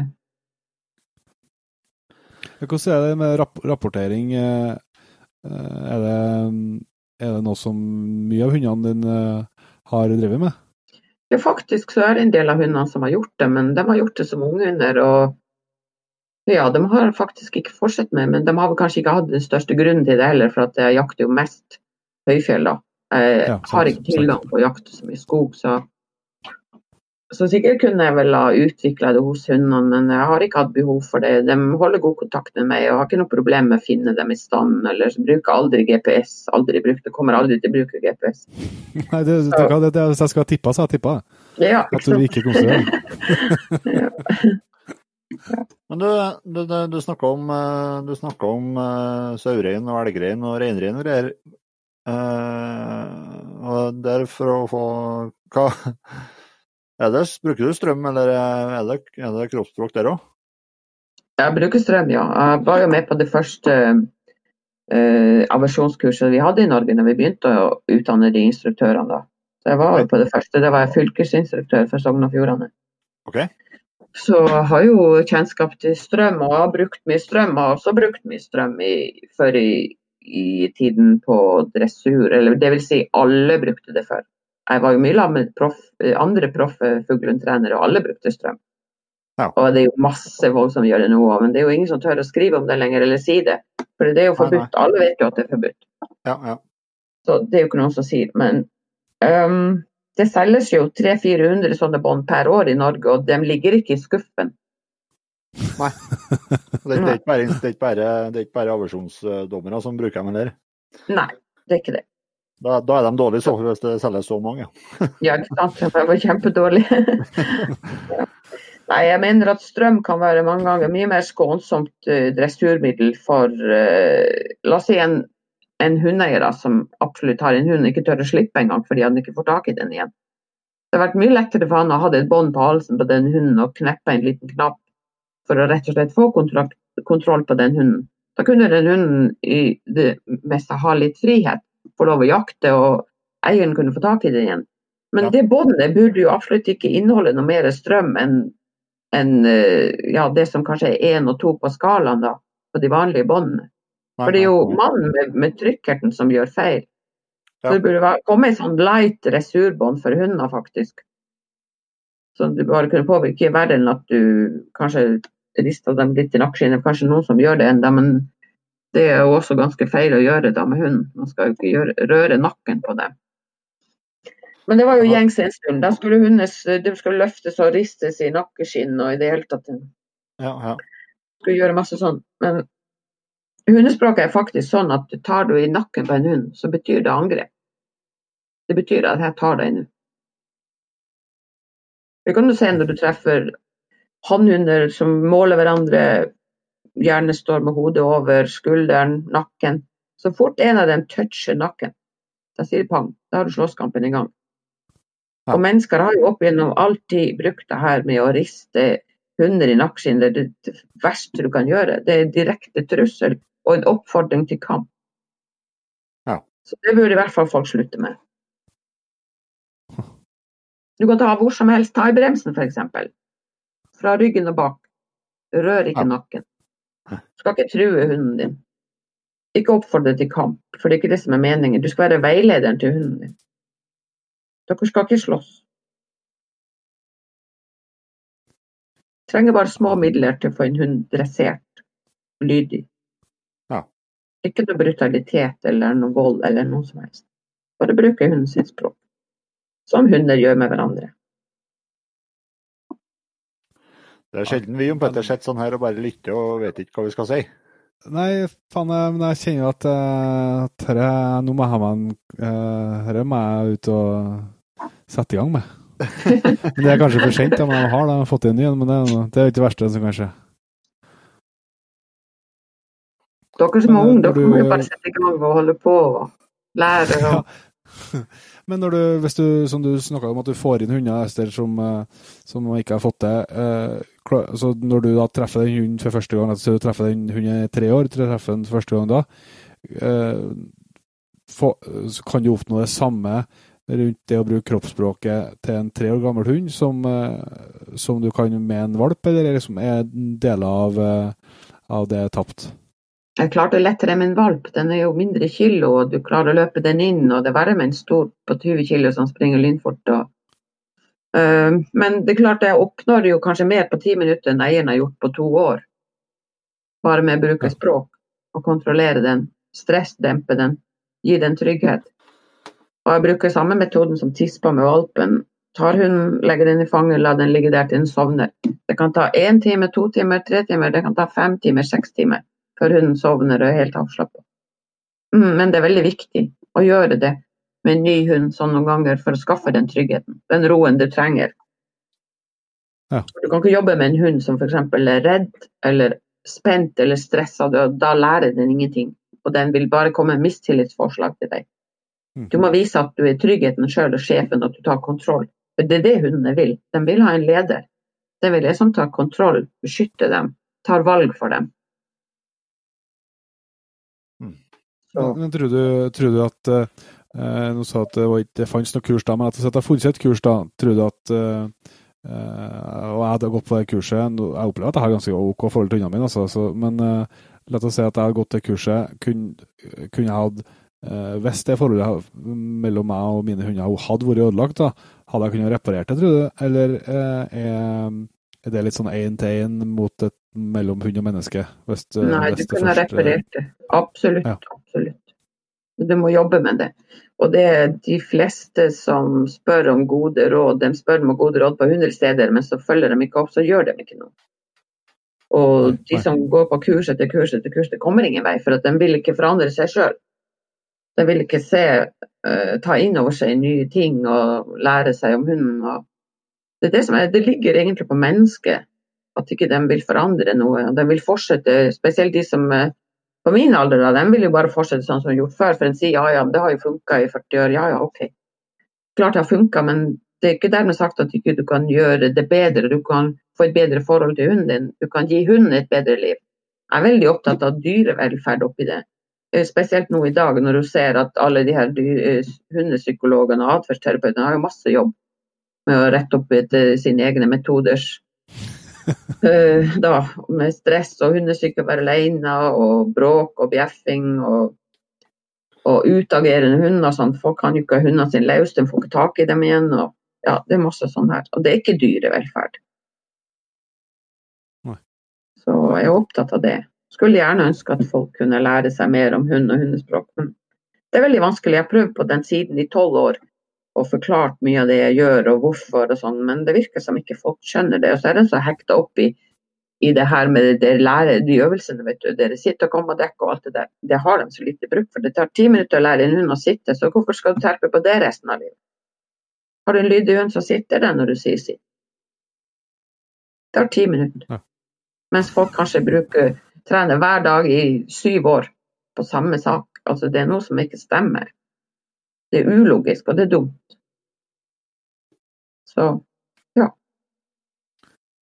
Ja, her er, jeg tar i hvert fall til meg alt eh, du kommer med. Det er utrolig interessant. Jeg, jeg har litt mer sånn detaljspørsmål jeg, som jeg syns bestandig er spennende. Det ene er på eh, når du skal hente en valp fra er det noe, er- eller om du skal beholde en fra det eget oppdrag, for så vidt, er det noe spesielt du ser? Mener du at det går an å se noe i valpekassen som, som sier noe om hvordan hund kan bli videre, eller er det, er det ren bingo? Uh, ja, nå til dags er det vel litt bingo, for at um, avlen er en annerledes nå enn før. Før var det linjeavl. Det var mer homogene kull, men nå får du jo suppekoking, som jeg sier, at du blander utenlandsk og innenlandsk og alt som mulig slags blod sammen. Så du får veldig ulike individer i samme kull. Da. Det er ikke homogent. Og da er det sånn at du kan få en valp som er bra, og en som er kjempedårlig, og en som er nervøs, og en som ikke er det. Det, det er mye, så det er vanskelig å velge valp i kull nå, så jeg bruker jo egentlig ikke gjøre den hvis jeg og ikke besøker det valpekull. Jeg kjøper bare en valp, og da tar jeg gjerne ut ifra eksteriør. Hvis du sier Ja, den ser bra ut, den tar jeg. For, um, og uansett om jeg får en hund inn i trening, eller min egen, eller en valp Jeg ser ikke på en hund som et problem. Jeg, jeg syns hunder er så like at du klarer å forme dem og, og få dem til brukbare hunder uansett. Jeg har aldri gitt opp en hund i hele mitt liv. Jeg har fått alle 100% til som jakt, jaktbare hunder. Av alle jeg har trent. Enten de har vært gitt opp av andre og ikke tatt stand på fem år. og alt det der. Jeg har ikke noe problem med å få dem i orden og få, få dem jaktbare. Så, da, Så, ingen det, en så hund er en det, ja, for at, så det tenker at det, det eh, hvis, du, hvis du kjøper Hvis du kjøper hund eh, Kjøper en valp, så det, Av de 500 du har hatt, eh, så har det alltid vært nok jakt i en, til at det- det har fungert som jakthund? Ja. Ja. Til meg. Det er én som ikke fungerte til andre, da. Han var jo ganske smart. Men han hadde vært rundt i masse eh, profftrenere og Den hadde jo også vært en volerer og drept 100 fasaner og i det hele tatt. Den har gjort mye galt. Og så var det profftrenerne, bl.a. Tor Eggen og Bjørn Plassgaard, de sa til meg at fikk du den hunden til å apportere, da skulle de slutte med hunden. Men jeg fikk den jo både til å apportere og apportbevis, jeg fikk den jaktpremier på Gomsvoll og sånn, og de slutta ikke med hunden. Men så jeg ser ikke på en hund som et problem, jeg bare prøver å finne en løsning for den enkelte hunden. Men jeg tenkte at den er såpass rå, den hunden, og jeg trodde ikke at den kom til å fungere hvis den kom til en ny jeger, for den ville nok kanskje finne på andre saker. Så det, det var jo en svær gårdonsetter, og jeg solgte den til en jegerdame, faktisk. Som skulle ha en selskapshund. Men hun var jo allerede blitt fem-seks år når jeg solgte den. Men ellers så har alle andre hundene fungert på jakt og vært jaktbare og delt. Og har trent hunder for folk som har hatt hunder som har sprunget og jaga fugl i fem år og ikke tatt stand og sånn. Så jeg har trent dem og fått dem i orden til dem. Folk er så glad, vet du. Jeg hadde jo en som hadde en pointer, han skulle komme og så skulle jeg hente hunden sin, så var vi ute og hadde fuglearbeid og stand og sånn. Og han la seg ned på bakken og gråt med hunden sin. Han trodde ikke det var mulig. Han hadde sett hunden, hunden hadde tatt stand og hatt fuglearbeid. Og det er jo bra for meg. altså En god følelse av å kunne hjelpe folk, og også hjelpe en hund da, til å bli mer vellykka. Klart det. Ja. Så det er jo mye av drivkrafta det at du hjelper folk med hundene. Og, og ja. Og så har jeg tenkt på uh, sånn som du som uh, har uh, tatt mye hunder helt ifra valp og tatt dem gjennom de stegene som trengs til de er, er klare og, og, gode jakthunder, og så skal du selge dem. Dere, for sånn som meg, som har hund bare for, for egen del, skal jeg si, så, så virker jo det, det tanken på å skulle ha solgt denne hunden min veldig, veldig sårt. Men hvordan, hvordan, oppleves det når du liksom er, er proff, skal jeg si, som, som du er? Har, har, både jeg har vært. Ja, det har, oppleves jo kanskje litt annerledes nå enn det gjorde for 40 år siden. Det var mer sånn selge og det var flere hunder i røringa for 40 år siden. Solgte gjerne 10-15 stykker i året. Men nå er det kanskje bare én eller to eller tre eller Det må kjennes godt inni meg. Jeg må vite at den rette hunden kommer til den rette personen. Hvis ikke kan det gå veldig galt det kan, det, noen ganger kan jeg jo bomme på det, men jeg prøver i hvert fall å finne rett hund til rett mann, eller omvendt, da. Rett mann til rett hund. Ja. Uh, men det er mye tyngre nå. Det er tungt å levere fra seg. Ja, For man får jo et forhold til dem. På en annen side så får det jo de fleste hundene jeg selger, de får jo et bra liv, de får jo jakte, og det er absolutt det de må få. Jeg selger ikke noen hund hvis ikke de ikke skal jakte og bo sånn at hunden får trent og sånn. Det skal ikke være noe sofahund eller noen sånn tur rundt kvartalet-hund. Så det er viktig for meg. Jeg må være trygg på at hunden får det bra. Og der er det mye lettere å selge, men jeg bruker tid på det. Jeg bruker gjerne kanskje et halvt år på å finne rett eh, jeger til rett hund. da. Ja. ja. Så jeg tenker over det. Jeg må bli vant til det sjøl og tenke at nå skal den selges, den skal dit. Det er, det er tungt. Det var ikke så tungt før, men det blir tyngre for hvert år.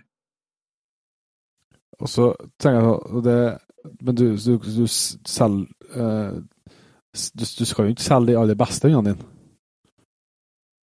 Mm. Nei, jeg vet ikke. Det er best og best. Altså, Noen ganger blir man jo sittende igjen med de hundene kanskje som ikke uh, man tror kan fungere som best hos andre. Den blir jo ofte hos meg, da. Uh, men om de er de beste jakthundene, ja, det kan man jo diskutere, da.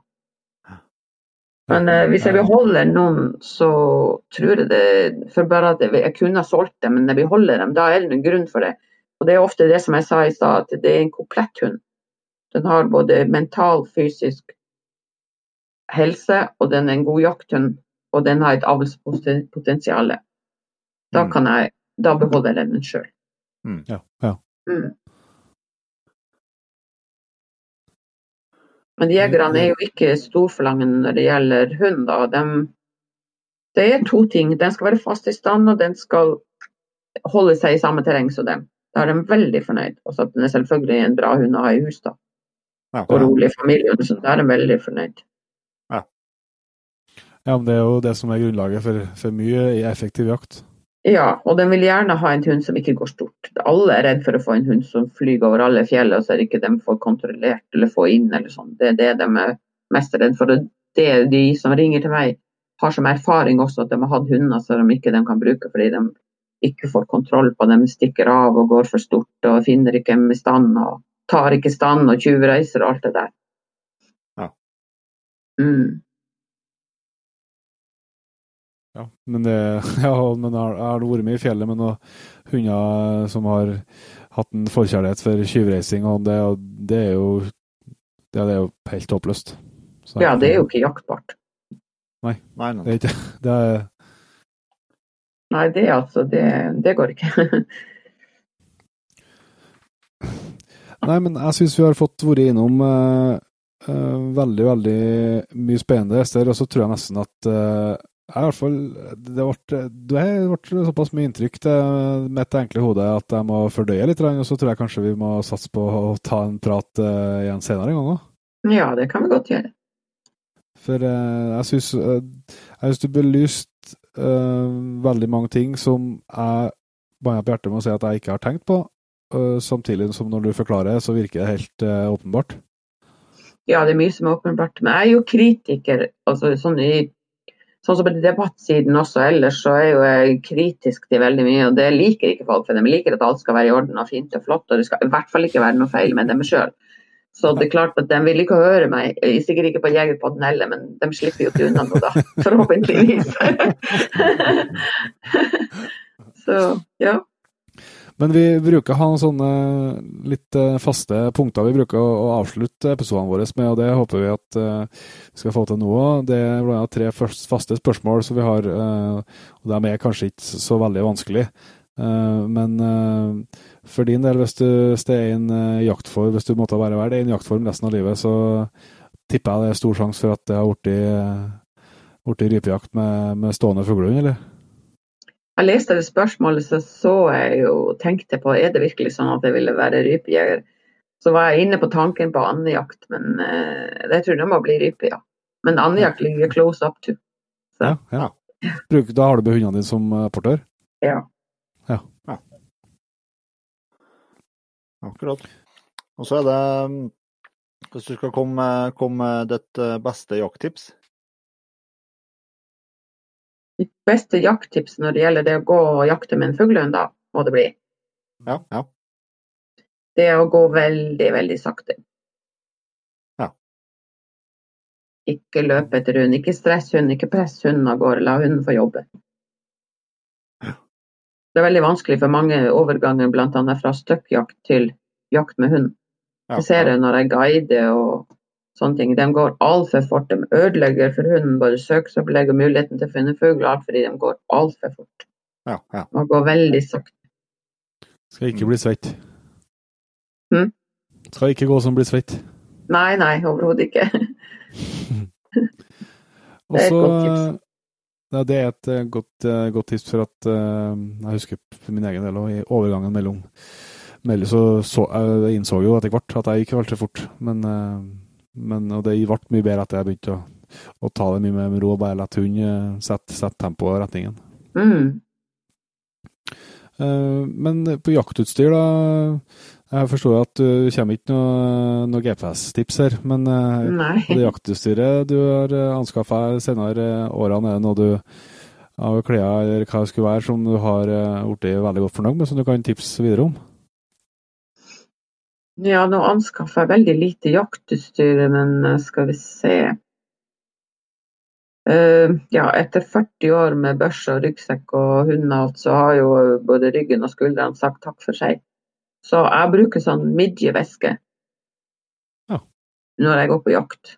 Og så henger rypegalge på sida av veska, da. Ja. Det er et godt tips hvis du har problemer med skuldre og rygg og sånne ting. Ja, ja. Og jeg husker ikke akkurat hvor de selger de der midjeveskene, men det finnes noen varianter av dem. ja Mm. det har jeg brukt en del sjøl, faktisk. For å det, det er jo lettere å springe med én sekk, det er ikke tvil om. Mm. Eller gå, da, som det heter. Ja, ja. Du skal ikke springe. Ja. Og så prøver vi alltid å få runda av med ei jakthistorie eller to. Ester, har du noen, eh, noen spennende historier du kan eh, dele med oss på, på tampen her? Oi, det har jeg ikke tenkt på. Jeg er veldig dårlig på historier. Ja, jeg er ikke så sikker på det. Mm. Jakthistorie. Mm, mm, mm. Nei, vet du, det, det står helt stille når det gjelder jakthistorie. Du var jo inne på noe Du var jo, hadde jo ei stad om, om eh, rapport på, på støkk. den er jeg var ganske imponerende. Ja, den, den er spesiell. Ja, det er artig å rapportere støkk. Jeg har faktisk ikke hørt om noen andre hunder som har gjort. Men den hunden var jo veldig samarbeidsvillig. Da. Den skjønte jo at det var du og jeg, som det heter. Og at vi måtte være to for å få orden på ting. Ja, ja. Klok, jaktklok hund. Så det er jo en litt spesiell historie. Men det står stille ellers nå med jakthistorier. Beklager. Ja, men det er veldig fint. Da får vi, får vi ta det neste gang. Det, Ja, det det, er mye, det er så mye inntrykk etter den praten her uansett at eh, jeg tror det, det, det, det er nok å for deg. For, for de små ordentlige trøn- trønderhjernene her, i hvert fall. Du får et problem med å redigere nå. Nei, jeg men eh, jeg er nå som jeg er, og jeg er nå påstandig og bastant og sier ting som jeg mener det. og Det er mange som ikke liker det, men, men jeg har nå forbeholdt meg retten til å være meg sjøl. Ja, ja. Helt riktig. Med det kan jeg si takk for meg. Ja, tusen takk for at du tok deg tida, Ester, og eh, lykke til videre med oppkjøring mot ny jakthøst. Takk skal du ha, i like måte.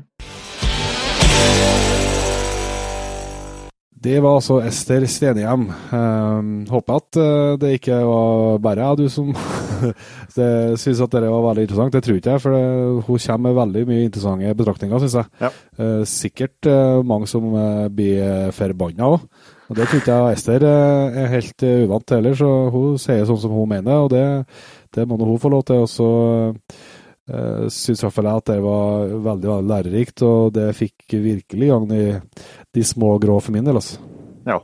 Nei, det er helt, helt utrolig. Eh, som du sa i starten, at det liksom det godt å gruble på den praten der i hele dag, egentlig. Eh, det var så mye, var så mye eh, bra der som, eh, som man liksom Man skjønner sjøl at man har gjort en del feil.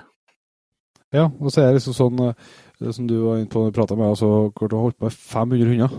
Eh, Det er, eh, det er nok, eh, om noen, så er det i hvert fall veldig få som har så mye, så mye hundeerfaring og og vært så tett på så mye hunder og fått til så mye hunder. Ja, ja. Eh, Så det går liksom ikke an bare å, å fnyse av heller og tenke at uh, hun vet ikke hva hun prater om, for det, det gjør hun jo selvsagt. Med Ja, ja. erfaringa hun har, så får hun det til å funke. Og da er det jo sikkert mulig å få det til å funke for, eh, for flere òg. Og jeg tror ikke hun Jeg har ikke inntrykk av at hun sier for å uh, for å hevde seg sjøl, hun vil fram med sitt, sitt budskap. Og det Mm. gjorde i hvert fall inntrykk på meg. Ja, helt klart. Nei, men da er vi ferdig med her sesongens siste episode. Det er vi. Det ser jo på klokka at det ble jo langt igjen, det, men det håper jeg nå Nå har dere hele, så hele sommeren å høre her innpå. så det må gå, forhåpentligvis gå bra.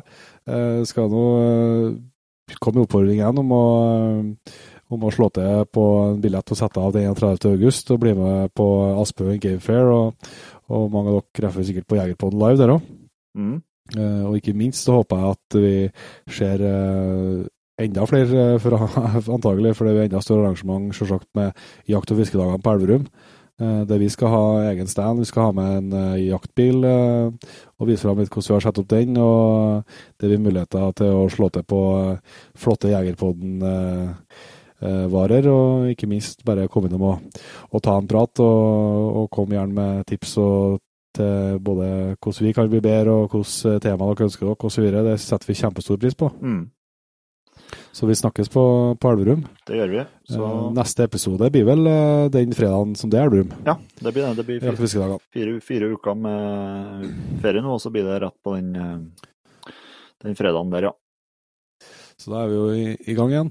Men da skal vi nå bare avslutte og si som vi bruker, at har du noe lyst til å mm, støtte den jobben eh, vi gjør med Jegerpoden, så er det muligheter for det på, på flere måter. Vi har eh, Patrion, som du finner alt om på jegerpoden.no. Vi har en nettbutikk der det går an å, å klikke hjem noen flotte, flotte varer. Uh, og så ikke minst følg oss på Facebook på Instagram, uh, jegerpodden.no. Der finner du òg alle episodene vi, vi har gitt ut. Og Vi kan jo litt si som vi bruker nesten, Jon Inge. Vi må Nei. nesten si god sommer. gangen. God sommer, kjære lyttere. God sommer, og så håper jeg at du blir med oss til høsten. da.